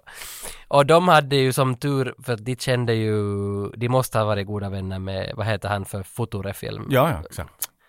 Lasse Jag kommer inte på vad han heter. Lasse Backman, ja. Ja, att, att de fick utgivna dem via Future-film och sen så fick de någon slags kult-following. För det hade en budget på 20 000 mark. Precis. Och det är ju vad fan, det är ju inte mycket. Men det är ju, knappt- det är tio gånger mer än vad vi hade på våra filmer. Jo, jo, men det är ändå bara typ 3-4 tusen euro Mm. som de har haft. Och, och vi hade ju noll budget. Yes. Alla gjorde ju allt gratis. Ja, jo, jo, men äh, inte att jämföra Cube med oss själva på något sätt. Men det är kul någonstans lite varför så här det tar oss, det är kul att börja det nya året, varför tar vi oss tillbaka, varför sitter jag i den här podden med dig? Jo, det är inte för att jag sitter och en databas på, för att jag har inte poddat om filmer i sex år, utan jag har poddat om Maiden i sex år, men, men fascinationen till film, varför börjar man gilla film at the end of the day? Varför Började vi skapa egna filmer? Det är liksom det mest dumdristiga som väldigt få människor faktiskt har gjort där ute. Jo, det var fascinationen att berätta en story. Och det är så kul att börja, liksom att vi inte tog en blockbuster hit här, där de fan i mig inte gör det för att berätta en story, utan för att tjäna pengar. Stora feta namn på postern, och de vill att box office ska vara jäkligt mycket mer än investerade kronor. Och här är det då tvärtom, man har gått och skramlat med burken, han har sannolikt suttit och jobbat på det där manuset så in i helvetes länge och visste om att det var unikt. Han har nog kollat massa liknande filmer och Nej, det är ingen annan som har gjort det här ännu. Jag tror på det här, jag tror på den här idén och det här konceptet att det kan bli sjukt bra. Och det måste jag liksom ändå ge. Jag tycker att det här var en film som jag satt på nålar den är 90 minuter lång. Jag satt, jag satt på nålar hela jäkla filmen igenom. För jag mindes väldigt lite från den här filmen. Från Mm. det. Jag minns att de var inkastade i en kub och sen hände lite olika saker. Men inte vad som hände, inte vem som överlevde och vem som dog och så vidare. Så att jag var väldigt underhållen i 90 minuter. Det var jag extremt underhållen. Ja, och at the end of the day så är det ju ändå det som det handlar om, att, att underhålla människor. Mm. Så att, Att, att jag, jag liksom på det sättet är jag, är, är det kul att gå back to the roots till liksom en, en debutant regissör som får göra sin första stor film eh, inom, inom sitt spann såklart. Mm, mm. Ja, mm, um, mitt uh, IMDB-betyg. Den har, vill du, vi, vi gick aldrig igenom det i början, vad den har. Ja, vad har, vad har Du har en metascore på 61 och hör och häpna en IMDB-score på 7,1. Det måste ju vara de högsta vi någonsin har pratat om hittills. Ja, no, förutom Castaway som ligger väl på över nog åtta runt till och med. ja. Ja. Men uh, Jingle All The Way låg ju inte på åtta. Nej. Jag skulle, mitt eget IMDB-betyg till den här så jag skulle kunna ge den typ, vad ska man kunna ge, 8,2, lite på 8. Den är lite bättre än en 8 tycker jag. Den är ändå jättebra, men det är mycket skit i den. Skådespelarna skit och det är skitdialog och det är mycket som är skit, men helheten tycker jag ändå är så jävla imponerande och bra. Så att jag, jag landar, jag, jag, jag, jag kastar mig till 8,1, 8,1. Jag tycker den är ändå, den är värd 8,1. Mm. Och jag väljer att ge min IMDB-score åt Vincenzo egentligen helt och hållet. Med den pengabrist han hade, med den liksom lilla begränsade pool av actors, så är jag nästan lite villig att förbise det den här gången och inte sitta som en filmkritiker så. Så jag ger den 8,5. A for effort definitely. Och så bedrövliga var de inte. Jag fattar ju när hon står och öppnar sig om att hon inte har fått röka på jättelänge, läkaren och liksom och de börjar, ja men tänk på något annat då. Ja, det är jättecringe, det är jättedåliga kommentarer. Den scenen hade han kunnat klippa bort för den för inte storyn, den för inget framåt. Men det där med att hela storyn, hela konceptet, det är så originellt och så unikt. Så att en 8,5 för mig. Jag kunde gott och väl tänka mig att se om den här filmen och jag, skulle, jag blev definitivt sugen på att få reda på the truth about it, so, it all. Men, men, men du skrev ner tvåan och trean så mycket så jag är inte sugen att se dem. Ja, jag läste en rekommendation, samma som det där Star Wars viewing order, att hur ska man se på Star Wars-filmerna? Det finns också en viewing order på Cube. Och där står det att man ska se trean först. För att äh, trean handlar då om vad som hände innan den här första kuben, eller innan den här, för de här är väl andra uppsättningar, att det där är det lilla som var först, typ. Så den, jag minns inte så mycket av den filmen, men men jag skulle nog inte heller rekommendera det där andra för det är också ganska low budget, mera digitala effekter liksom sämre på alla sätt men du får veta mer om the lore om du vill veta mer om det. Men du sabbar också lite åt dig själv om du vill veta mer om det. För det är ganska charmigt att inte veta så mycket. Så. Jag kan nog inte gå och rekommendera de där andra filmerna. Den här remaken skulle jag kunna se, den här Japan, Japan-pojkarnas film. Men, mm. Så att eh, då landar vi på, jag hade 8,1 och 8,5, det blir ju ett snitt då på 8,3. Yes. Blir det väl. Inte ett så Ja. dumt sätt att starta filmåret på ändå. Nej, nej, och då valde vi mellan den här och vilken var den andra som vi tänkte oss den här öppna året med. Nu minns jag inte vilken det var, men, men vi valde Cube. Och till nästa så går vi väl vidare. Jag vet inte, vad ska vi, vad ska vi liksom beta oss till nästa? Alltså jag varit ganska sugen på, borde man inte som ge sig i kast med något, ja. Det finns ju en film som jag har sett introt mer än alla andra filmer och det är väl Barb Wire. Du har varit inne och bjudit på den flera gånger här. Um, Ja, jag tror att Barb Wire skulle behöva, åtminstone första tio minuter när hon dansar på den där stolen. Det är det är väl de första tio minuterna som skulle behöva ett avsnitt. Ja, jag vet faktiskt inte vart, vartåt vi ska bege oss, men det känns som att nu var vi i indiesvängen. Före julen så var vi inne i rätt stora produktioner. Det var Rush Hour och det var liksom Jingle All The Way. Det är jättemegalomaniskt stora produktioner. Var, vi måste hamna någonstans mitt emellan nu på någon, någon finsmakande eh, dramagrej, någon sån där Out of Africa-aktig aktig sak. Jag vet inte riktigt. The Patriot med Mel Gibson. ja, det hade varit något det. Det hade varit något. Det är liksom- Alltså där tre, tre timmars. Jag vet inte riktigt vart vi ska gå, men nu, nu hittar vi väl någon, någon fint spår. Om ni har idéer själv så hör av er på någon av våra sommarkanaler. Va, vad vill ni? Vad vill ni höra under 2024? Finns det någon film som ni skulle behöva få mera? För nu har vi gjort The Rock redan, så nu, nu måste ni önska något annat och Armageddon kommer ju i något skede. Mm. Men Det gör det. Armageddon tror jag, jag tror vi behöver Armageddon är nog någonting som, jag vet inte, det känns som att man måste se den några gånger till för att riktigt förstå den innan man kan börja. Och ni vet hur ni når oss. Ni, ni når oss på, på diverse sociala mediekanaler. Och jag slår än en gång ett slag för vår Facebookgrupp Memphis Rain Go-Kart-sällskap. Där ni kan söka er in och, och, och bidra till, till diskussionen. Och har ni sett The Cube får ni jättegärna diskutera den där. Vad tyckte ni om den? Är det en bra debutantfilm för vår kära Vincent och Natalie eller är det bottennapp? Han byggde ju i alla fall en trilogi. Det gjorde han och i Memphis Rains go-kart-sällskap på Facebook så var det ganska bra diskussioner under julen för det var Andreas, tror jag det var, som gick ut med jätte jättelång lista över alla filmer man behöver se över julen och fy fan vad där fanns mycket bra tips och jag fick så mycket skit i nacken då jag inte kände till Ernest. Ernest saves Christmas och Ernest saves golfbollen och vet du allt satan. Det finns någon karaktär som heter Ernest på 80-talet som inte jag kände till. Så nu måste jag se några Ernest-filmer för att kunna se men, men det var jättebra diskussioner och jättemycket tips om julfilmer. Där finns ganska många gelikar där i gruppen så att in dit, ni kommer att hitta säkert bekanta för livet ut där. Alltså, för där finns faktiskt personer som har kunskap och har jättemycket nörd i sig. Mm. Men då är vi igång med filmåret, Tage. Då får vi väl bara gå ut på, på någon trevlig musikslinga här då. Jag vet inte riktigt vad som skulle passa att öppna året 2024. Kanske någonting med Shaquille O'Neal. Eller Shakira. Ja, Eller, något eller något av båda två. En kombo av Whenever, Wherever och Shaquille O'Neals den här Corris-låten, vad den nu fan. Let's go. Och lite Celine Dion. Celine Dion behöver hon är ju, hon är ju kanadensisk. Hon kan inte sjunga längre förstår Nej, jag. Nej, tyvärr, det, hon har ett väldigt, ni ska lyssna på P3 Dokumentärs avsnitt om henne. Det är jättebra och så är det lite sorgligt också att hon faktiskt har en, en halssjukdom, så hon sjunger väl inte riktigt något mer. Men jag kan sjunga för er istället. Blame Canada, blame Canada. Nej, om du minns den. South Park Bigger, Longer and Uncut från 2001. Ska vi ta den till nästa? Det gör vi. Där har vi Terrence and Philip. Ja, okej. Tack ska ni ha hörni för den här gången. Eh, bra ödslade minuter. Adios.